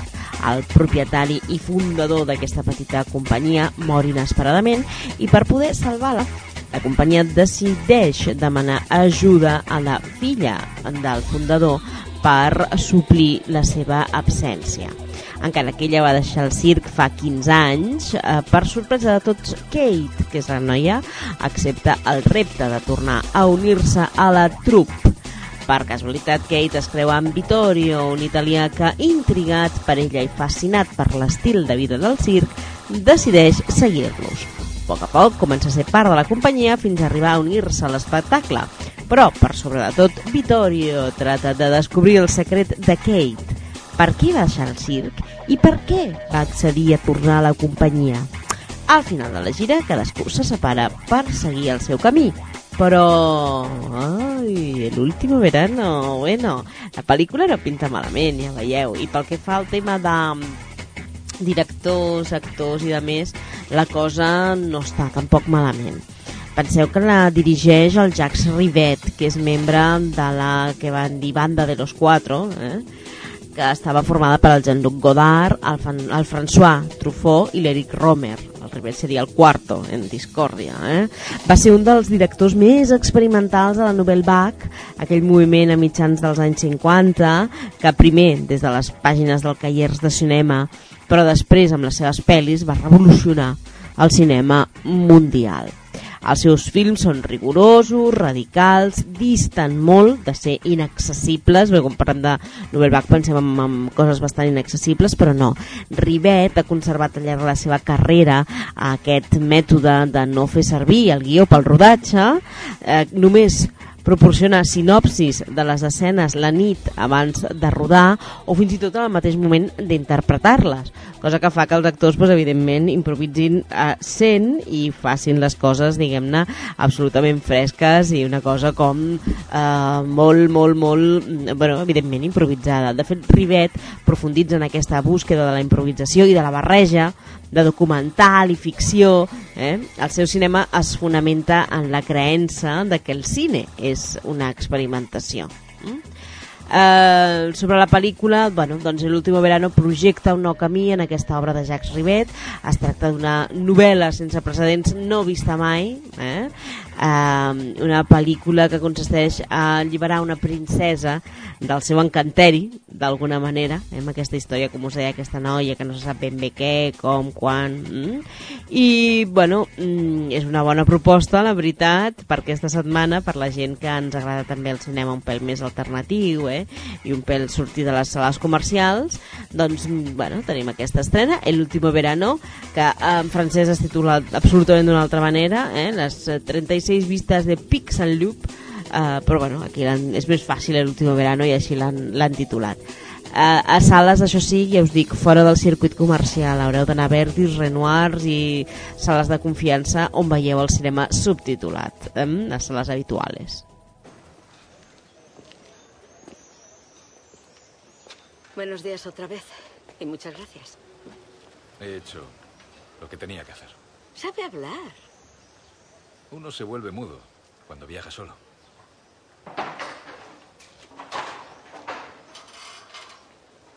¿Ha visto algún circo? Aquí tiene uno. Es un circo. ¿Actúa en él? Sí, a las ocho. Quiero el mejor sitio. Me gustaría invitarle. Se lo merece. No, no, no. Prefiero pagar. Como quiera. Son cinco euros. Llevo yo la caja. Sea puntual.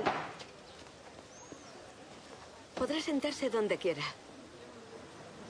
Por desgracia, no se llenará. No lo creo. Así es.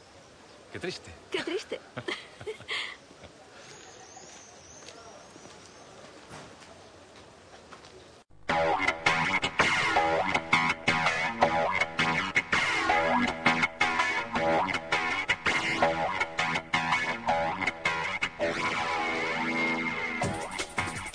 També s'estrena aquesta setmana Encontraràs dragones.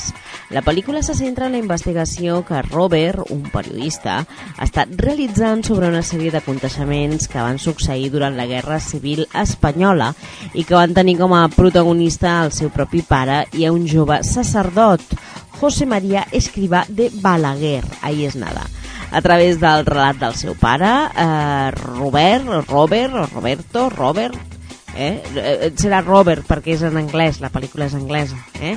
Eh, doncs resulta que a través d'aquest relat Robert descobrirà el relat del seu pare Robert descobrirà una terrible història de traïció, gelos i mort però també de redenció i perdó amb el terrible transfons que va suposar la guerra d'un país enfrontat entre si. Com us deia, la pel·li eh, està dirigida per el eh, Roland Joffé, perdó, per el Roland Joffé, que és el mateix que va fer La Missió, per exemple, que ha estat dos cops nominat a l'Oscar, que ha guanyat la Palma d'Or, i amb aquest Derby Dragons, encontraràs dragones, torna als seus orígens amb un drama èpic que ens acosta a una, al que va ser l'obra cumbre eh, de la seva carrera, que és aquesta, aquesta missió. Derby Dragons, eh, Encontraràs Dragones, està protagonitzada per un reconegut repartiment internacional encapçalat per el Charlie Cox, eh, Wes Bentley i la Olga Kurilenko, que és aquesta noia que va fer el Quantum of Solars. L'equip tècnic també té molts professionals, eh, entre els quals trobem eh, quatre guanyadors d'Oscars, ni més ni menys.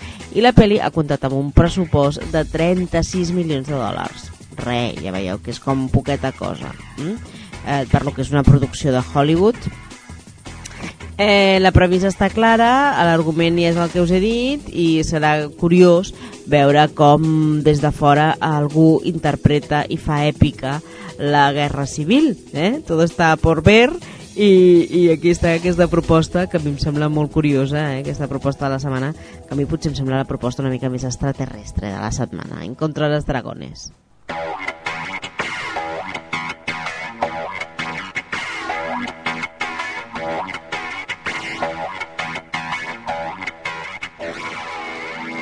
Ens anem ara a la banda absolutament oposada, que és el cinema de crispetes pures i dures. S'estrena Esta abuela es mi padre. Sí, sí, sí.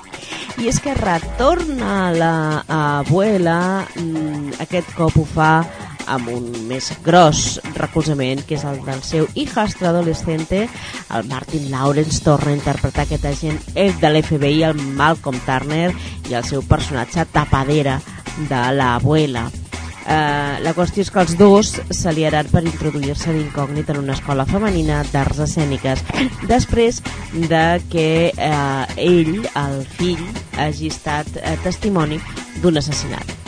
Fent-se passar per abuela i per Charmaine, una corpulenta alumna que procedeix d'un col·legi mixta, tots dos hauran de descobrir l'assassí abans que l'assassí els descobreixi amb ells acá, culo un poquito, eh, humor de sal gorda, però, bueno, en fi, ja sabeu, resultona pels amants de les crispetes. ¡Detén el coche! ¡No huyas! El mejor agente del FBI Papá, hijo, ¿qué haces aquí? Acabas de ver a Chirkov asesinando a alguien. ¿Crees que querrá matarme? vuelve a la carga. Te esconderé. ¿Cómo vas a esconder a un tierrón como yo? Pero esta vez trae refuerzos. La, la, la. Eres muy complicada, Sarmenta, y si pierdes. ¿Quién? Mi sobrina nieta. Y más vale que hables como ella o asustarás a alguien. ¿Qué tal así? Swing low, swing. De 20th Century Fox y Regency Entertainment. Bienvenidas a la Escuela Femenina de Artes de Georgia. Te esconderás aquí. ¿Qué tal? ¿Cuántas chicas dulces y buenorras? Oh, Martin Lawrence. soy la nueva directora, la gran abuela. ¿De esa forma tendremos que llamarla? Le iría mejor Mary la ballena. Amén. Le tenemos. Seguidlo. Lleva falditas. Oh, ahora sé por qué lo llaman cascanueces. El peligro Que empiece el juego. Mano izquierda verde. Diría que ya no quedan verdes. Tengo un verde. Y un cuerno. está en los genes. Supongo que eres la nueva luna, Charmaine. Llegas a tiempo para el dibujo natural. Bien, ahora ya puede quitarse la sábana. ¿Qué ha dicho? ¡Sorpresa! ¡Ahí lo tenéis! Esta abuela es mi padre. ¡No! Mierda. Ni siquiera llevo megabragas de abuela limpia. La abuela te va a dejar cao.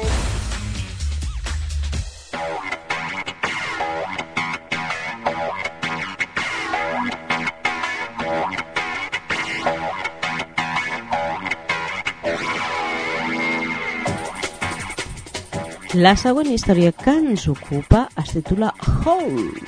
I Hole són tres històries allò entrelazades, que són aquelles pel·lícules que m'agraden a mi, eh?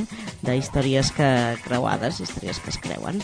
En aquesta pel·lícula veiem, bueno, tot succeeix arran d'un històric judici per obscenitat que el 1957 eh, va fer, bueno, es va fer on un artista rebel que trenca barreres per trobar el seu amor, la redempció i de més doncs eh, diguem que es destapa amb aquest hole que la traducció literal seria aullido una pel·lícula que ens situa, com us deia, el 1957 a San Francisco i que retrata aquell moment crucial en el naixement de la contracultura de, americana.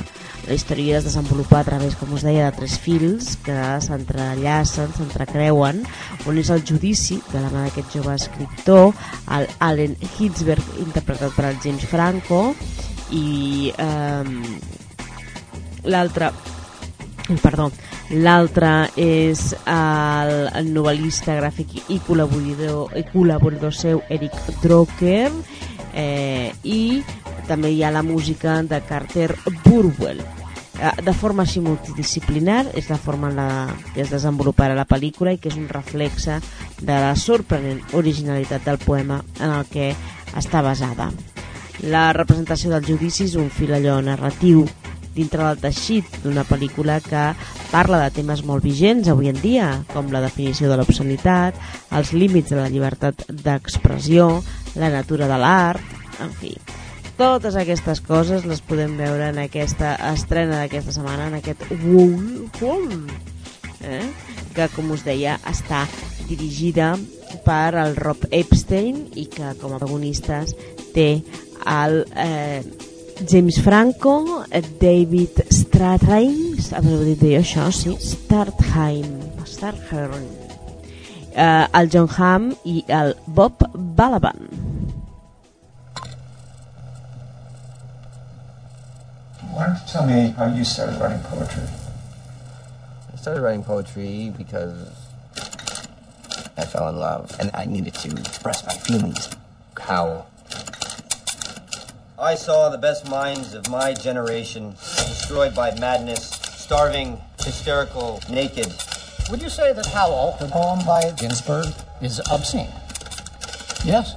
Holy, holy, holy. If it has any literary value, it's negligible. Holy Kerouac, holy Cassidy, who blew and were blown by those human seraphim. You feel like you're going through the gutter when you read that stuff. Now, you understand what blue and blown mean. I realized that poetry is a rhythmic articulation of feeling. What is obscenity and to whom? Ginsburg's life apparently has had this kind of rhythm.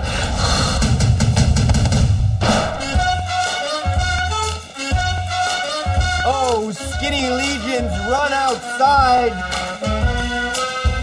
There are books that have the power to change men's minds. The eternal war is here! Let there be no running from non existent destroyers of morals. Oh, victory! Let there be light. We're free!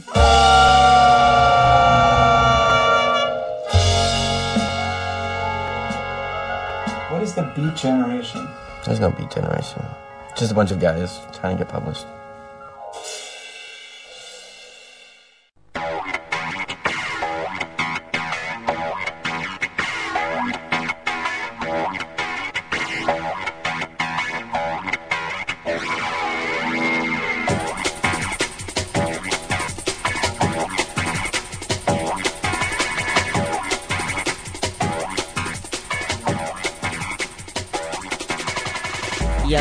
Francès diria que és una mica protagonista aquesta setmana, ja que també s'estrena una pel·li que es diu Mademoiselle Chambon.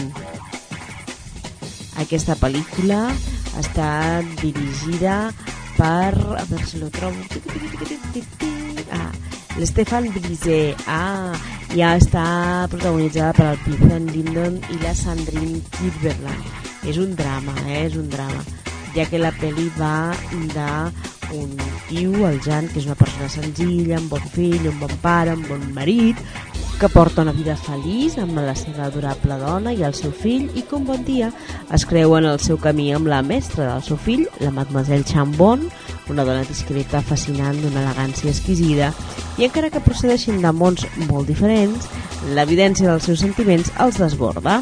Aquesta trobada pot ser un punt d'inflexió a la seva vida, una oportunitat de canvi o una locura, una bogeria per lamentar-se tota la vida. Ah, no sabem què serà. Ja veurem què passarà amb aquesta, amb aquesta trobada. Com us deia, està dirigida per Stéphane Brisé. És una història senzilla, eh, basada en un llibre, eh, un llibre amb el que no, bueno, de fet no va treballar amb l'autor, no és un, directament una, una pel·lícula en la qual l'autor del llibre hagi estat ficat dintre de, del rodatge i dintre de les tasques més de producció, més de guió, no, no, no, no eh? sinó que directament es basa en el llibre eh? i agafa el llibre com, com a inspiració per escriure aquesta història. Ja us dic, a França no li ha anat malament a la pel·lícula, eh? no li ha anat malament, eh, és una pel·lícula de sentiments, una pel·lícula romàntica, commovedora, d'aquelles una miqueta lenta, ja sabeu que els francesos eh, són una mica lents per explicar sentiments, però una pel·lícula, en tot cas, interessant. Mademoiselle Chambon.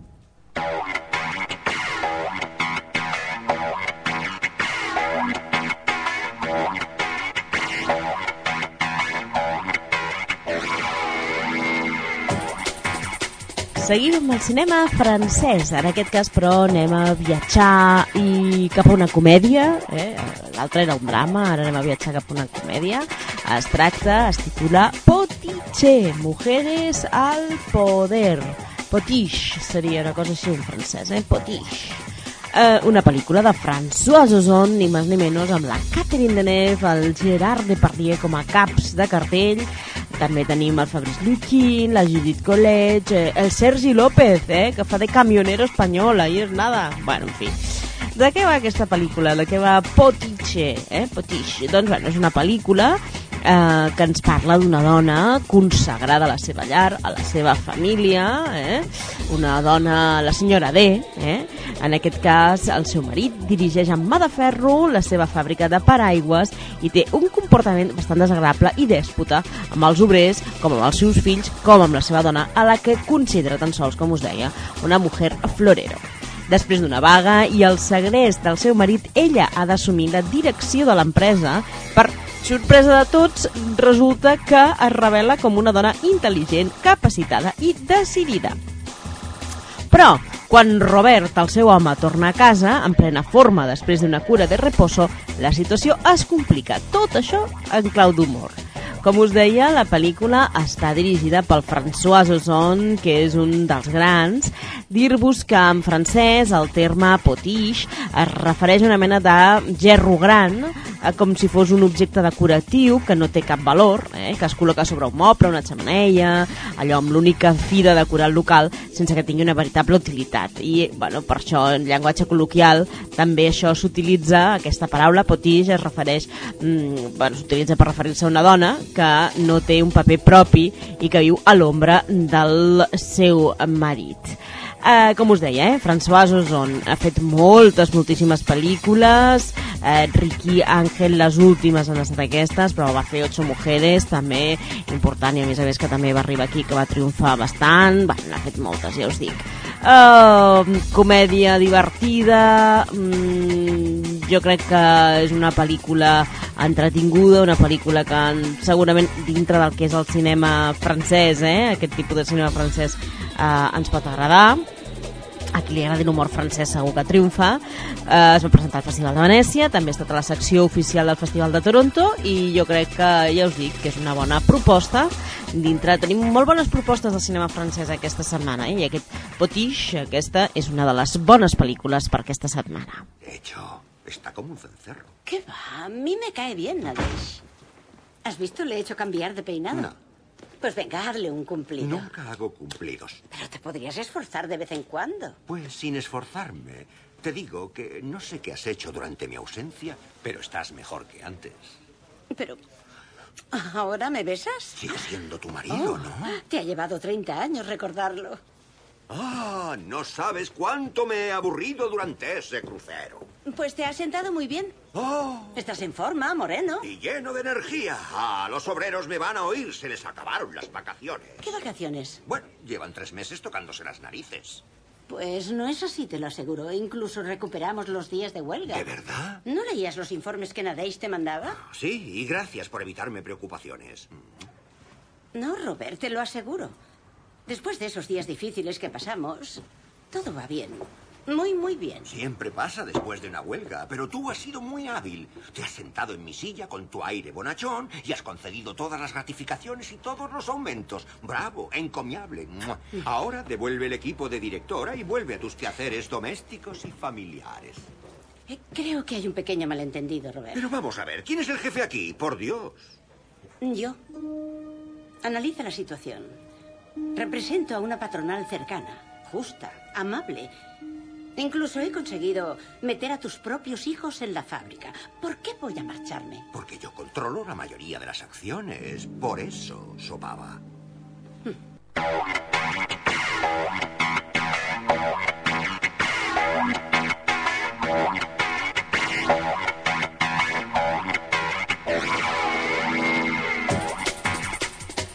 I abans d'entrar en el cinema comercial, fem un tom pels documentals de la setmana. En tenim dos.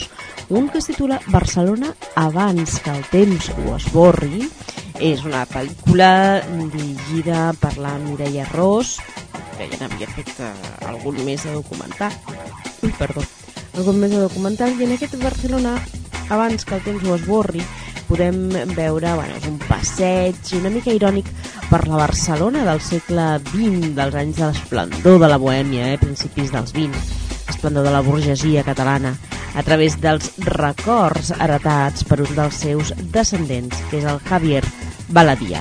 Una història explicada a través de les emocions, les vides privades, els secrets inconfessables que ens trasllada als anys daurats d'una elit que ens va deixar un llegat que ha convertit la Barcelona actual en un referent internacional.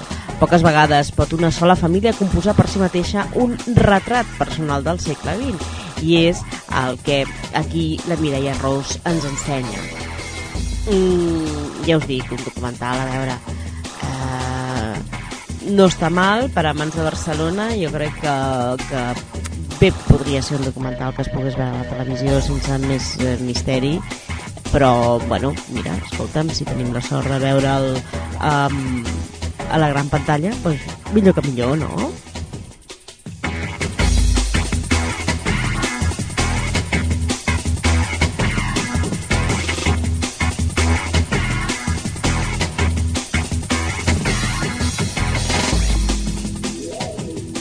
El segon documental de la jornada es titula Guest. És un documental també espanyol, eh, dirigit pel José Luis Guerín, i eh, no és una altra cosa que com una mena de making of, és a dir, el Guerín, amb una petita càmera de vídeo, ha anat filmant durant la promoció d'una pel·lícula per diversos festivals del món, doncs, eh, bueno, una mena de diari de viatge. Eh? Guest és, eh, vol dir convidat en anglès, i presenta els diferents registres mm, presos pel cineasta amb la càmera sota el trenat de l'atzar de cadascun d'aquests apunts de la pel·lícula, eh? si tensió, conflicte, el personatge que hauria de gestar-la, l'observat...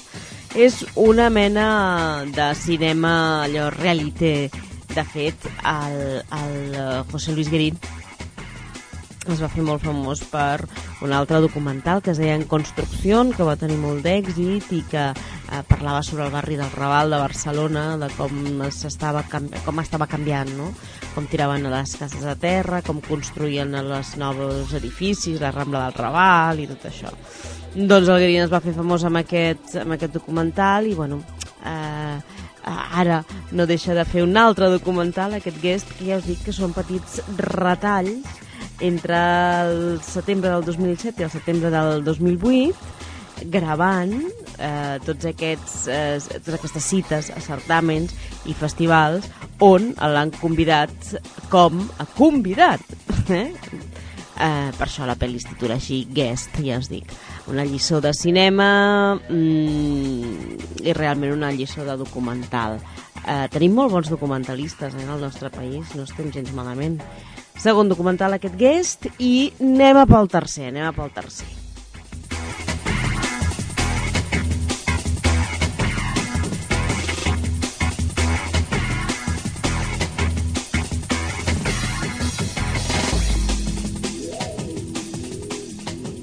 El tercer documental de la setmana és Inside Job i és el guanyador eh, dels Oscars d'aquesta edició. El director és el Charles Ferguson.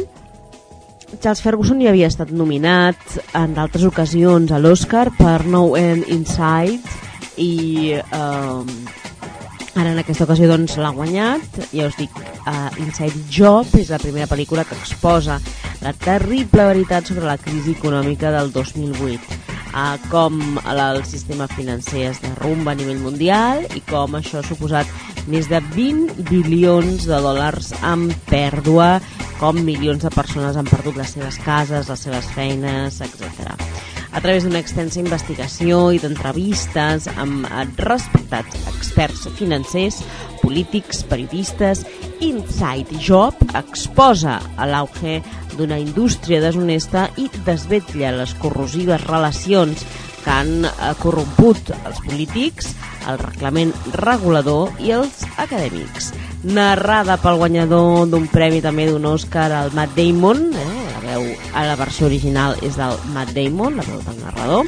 Inside Job ha estat, com us deia, rodada a localitzacions no només d'Estats Units, sinó que també han agafat la càmera i han anat fins a Islàndia, Anglaterra, França, Singapur o Xina a veure quines eren les coses que allà pensaven de tota aquesta història, Lehman Brothers eh, i tot això. Així doncs, un anàlisi exhaustiu de la crisi econòmica que, que ha patit als Estats Units i de retruc no? que, que ha tocat a, arreu del món aquest Inside Job.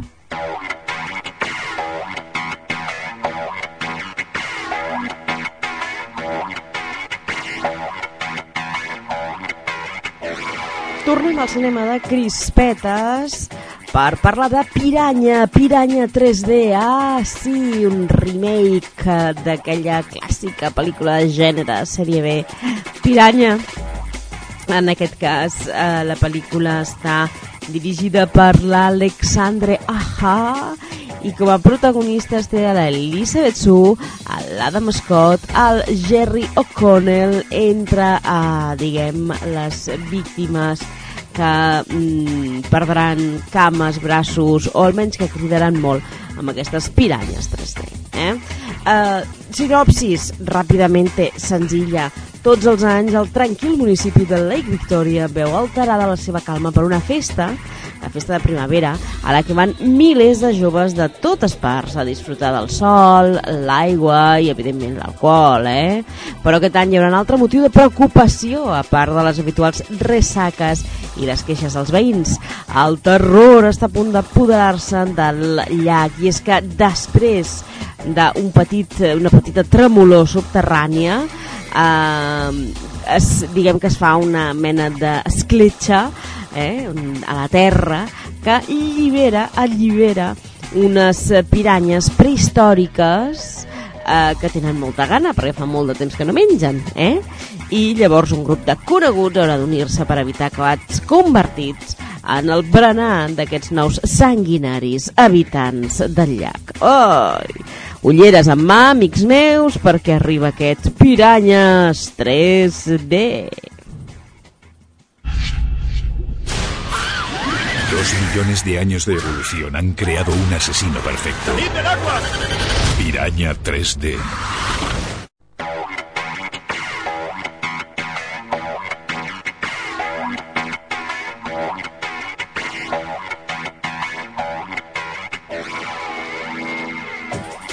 Vinga, més crispetes. Uh, S'estrena la comèdia romàntica Sin Compromiso, una pel·lícula dirigida per l'Ivan Reitman i protagonitzada per la Natalie Portman i el Aston Kutcher. A més a més també és el Kevin Klein, que fa temps que no el veiem al cine, o sigui que mm, uh, molt contenta i agraïda de que surti Kevin Klein en aquesta pel·lícula. Com us deia, està dirigida per l'Ivan Reitman, és el mago de la comèdia que torna a seure's a la, silla de, a la cadira de director perdó, per dirigir uh, uh, aquesta intel·ligent pel·lícula sin compromiso, una comèdieta bé, bé, que es deixa intel·ligent. Bueno, escolta'm, dintre les comèdies romàntiques que hi ha, doncs és una comèdieta que la veritat és que passa molt bé. Mm? El Reitman, com bé sabeu, és el director, o ha dirigit les primeres així que va ser com molt, molt, molt sonada, van ser els cazafantasmes, eh? I, bueno, en fi, mm, és una pel·lícula on eh, l'argument és senzillet i, i resulton, perquè els acudits són resultons, la química entre els protagonistes està molt bé, ells són bons actors i això fa que la cosa funcioni, que el guió funcioni, i la premissa no és una altra eh, que eh, una parella que es coneixen a l'adolescència, són amics des de l'adolescència, eh? i, eh, bueno, mm, diguem que es retroben anys més tard, eh, a l'adolescència hi ha com rotllet i tal, però no acaba la cosa de funcionar. Anys més tard es troben, ells ja saben de què va la vida, eh? i acaben, eh, acaben evidentment tenint relacions sexuals, eh? practicant un sexe fantàstic, estupendo, que els va de conya. La qüestió és que eh, decideixen ser amics eh, con derecho a roce, però sin compromiso, però el problema arribarà quan ell eh, decideixi o vegi que poquet a poquet s'està enamorant d'ella i, que, i que vol una mica més eh, que aquest sexe sense compromís. Bueno, mm, aquesta és la premissa de la pel·lícula, ja veieu, molta crispeta, no decebrà ningú i, i ànims, nois. Eh, La pel·li està bé, la veritat és que per passar el ratet pues està bé. I de les pel·lis comercials que s'estrenen, pues, bueno, no està mal, la veritat és de les... no té mala pinta. En general, totes les pel·lis comercials així que s'estrenen aquesta setmana no tenen mala pinta per un públic per un altre, però bé, bé, la veritat és que és una pel·lículeta, una comedieta romàntica, bé.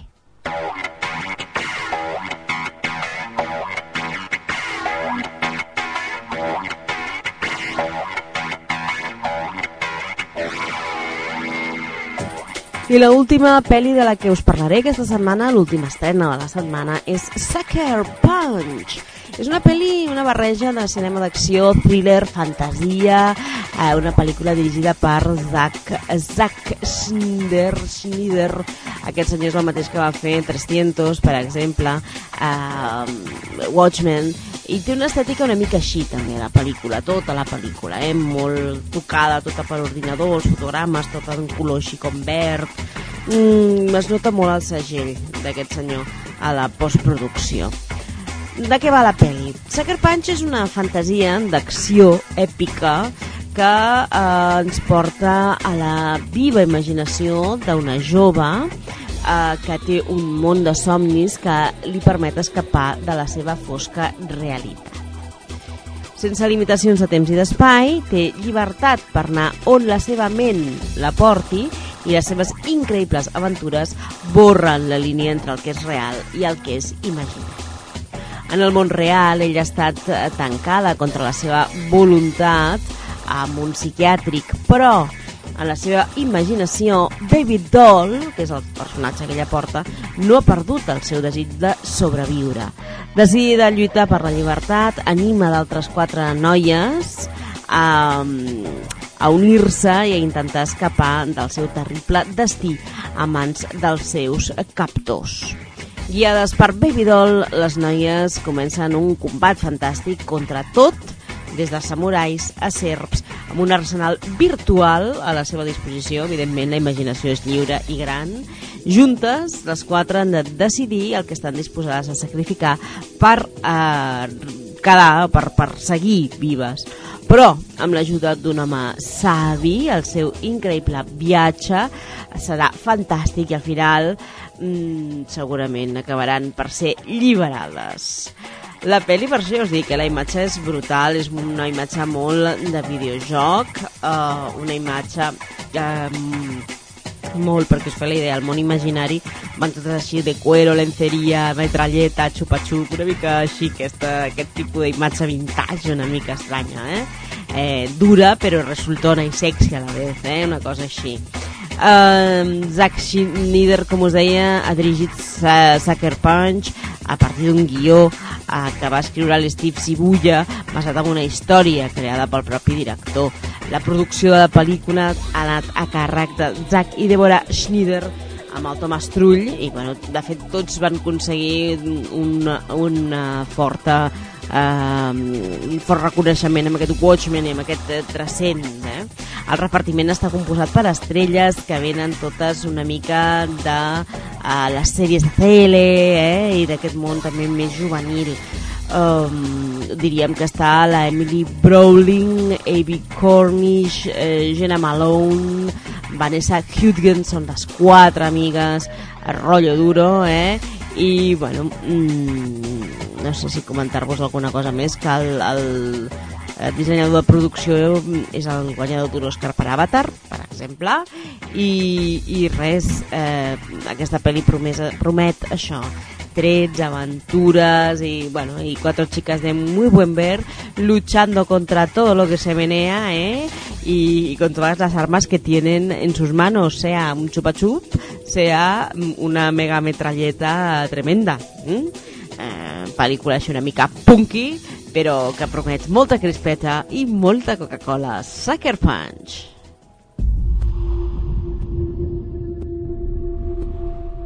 Perdido a todo aquel al que he querido. Luego me encerraron, sin permitir que me refugiara del dolor.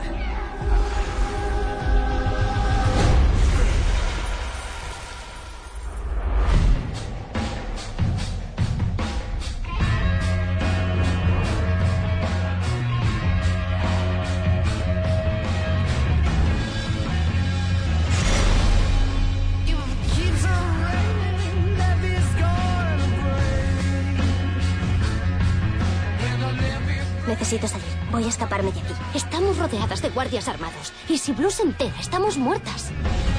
Ya estamos muertas. Tienes miedo, no lo tengas. Si quieres alcanzar tu propio paraíso, déjate llevar. Ahora mismo te estás imaginando que controlas este mundo.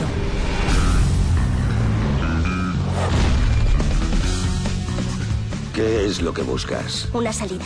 Voy a ayudarte a ser libre. Tendrás que encontrar cinco cosas. La primera es un mapa. ¡Cuidado! Luego un fuego. Un cuchillo.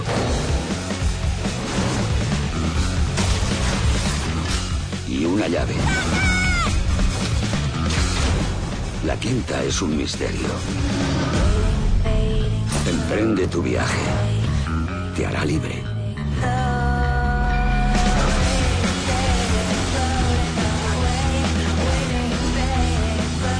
¿Sabe lo que estamos haciendo? Es la única forma de salir de aquí.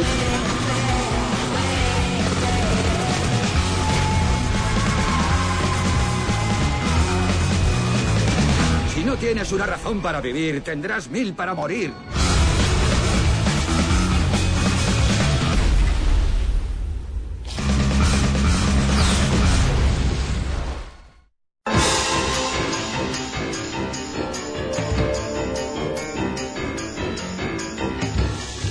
Déu nhi aquesta setmana, eh? Tenim 13 estrenes, que és que no ens les acabem, no ens les acabem de cap de les maneres. I d'aquí a 7 dies, d'aquí a 7 dies, més estrenes encara. Si és que, vamos, jo, no, no, el dia per mi hauria de tenir... Mm, hauria de durar dos dies almenys per, per estar a la meitat del temps dintre del cine. I és que, nois mmm, ja veieu, això no ho para ningú, esto no se para.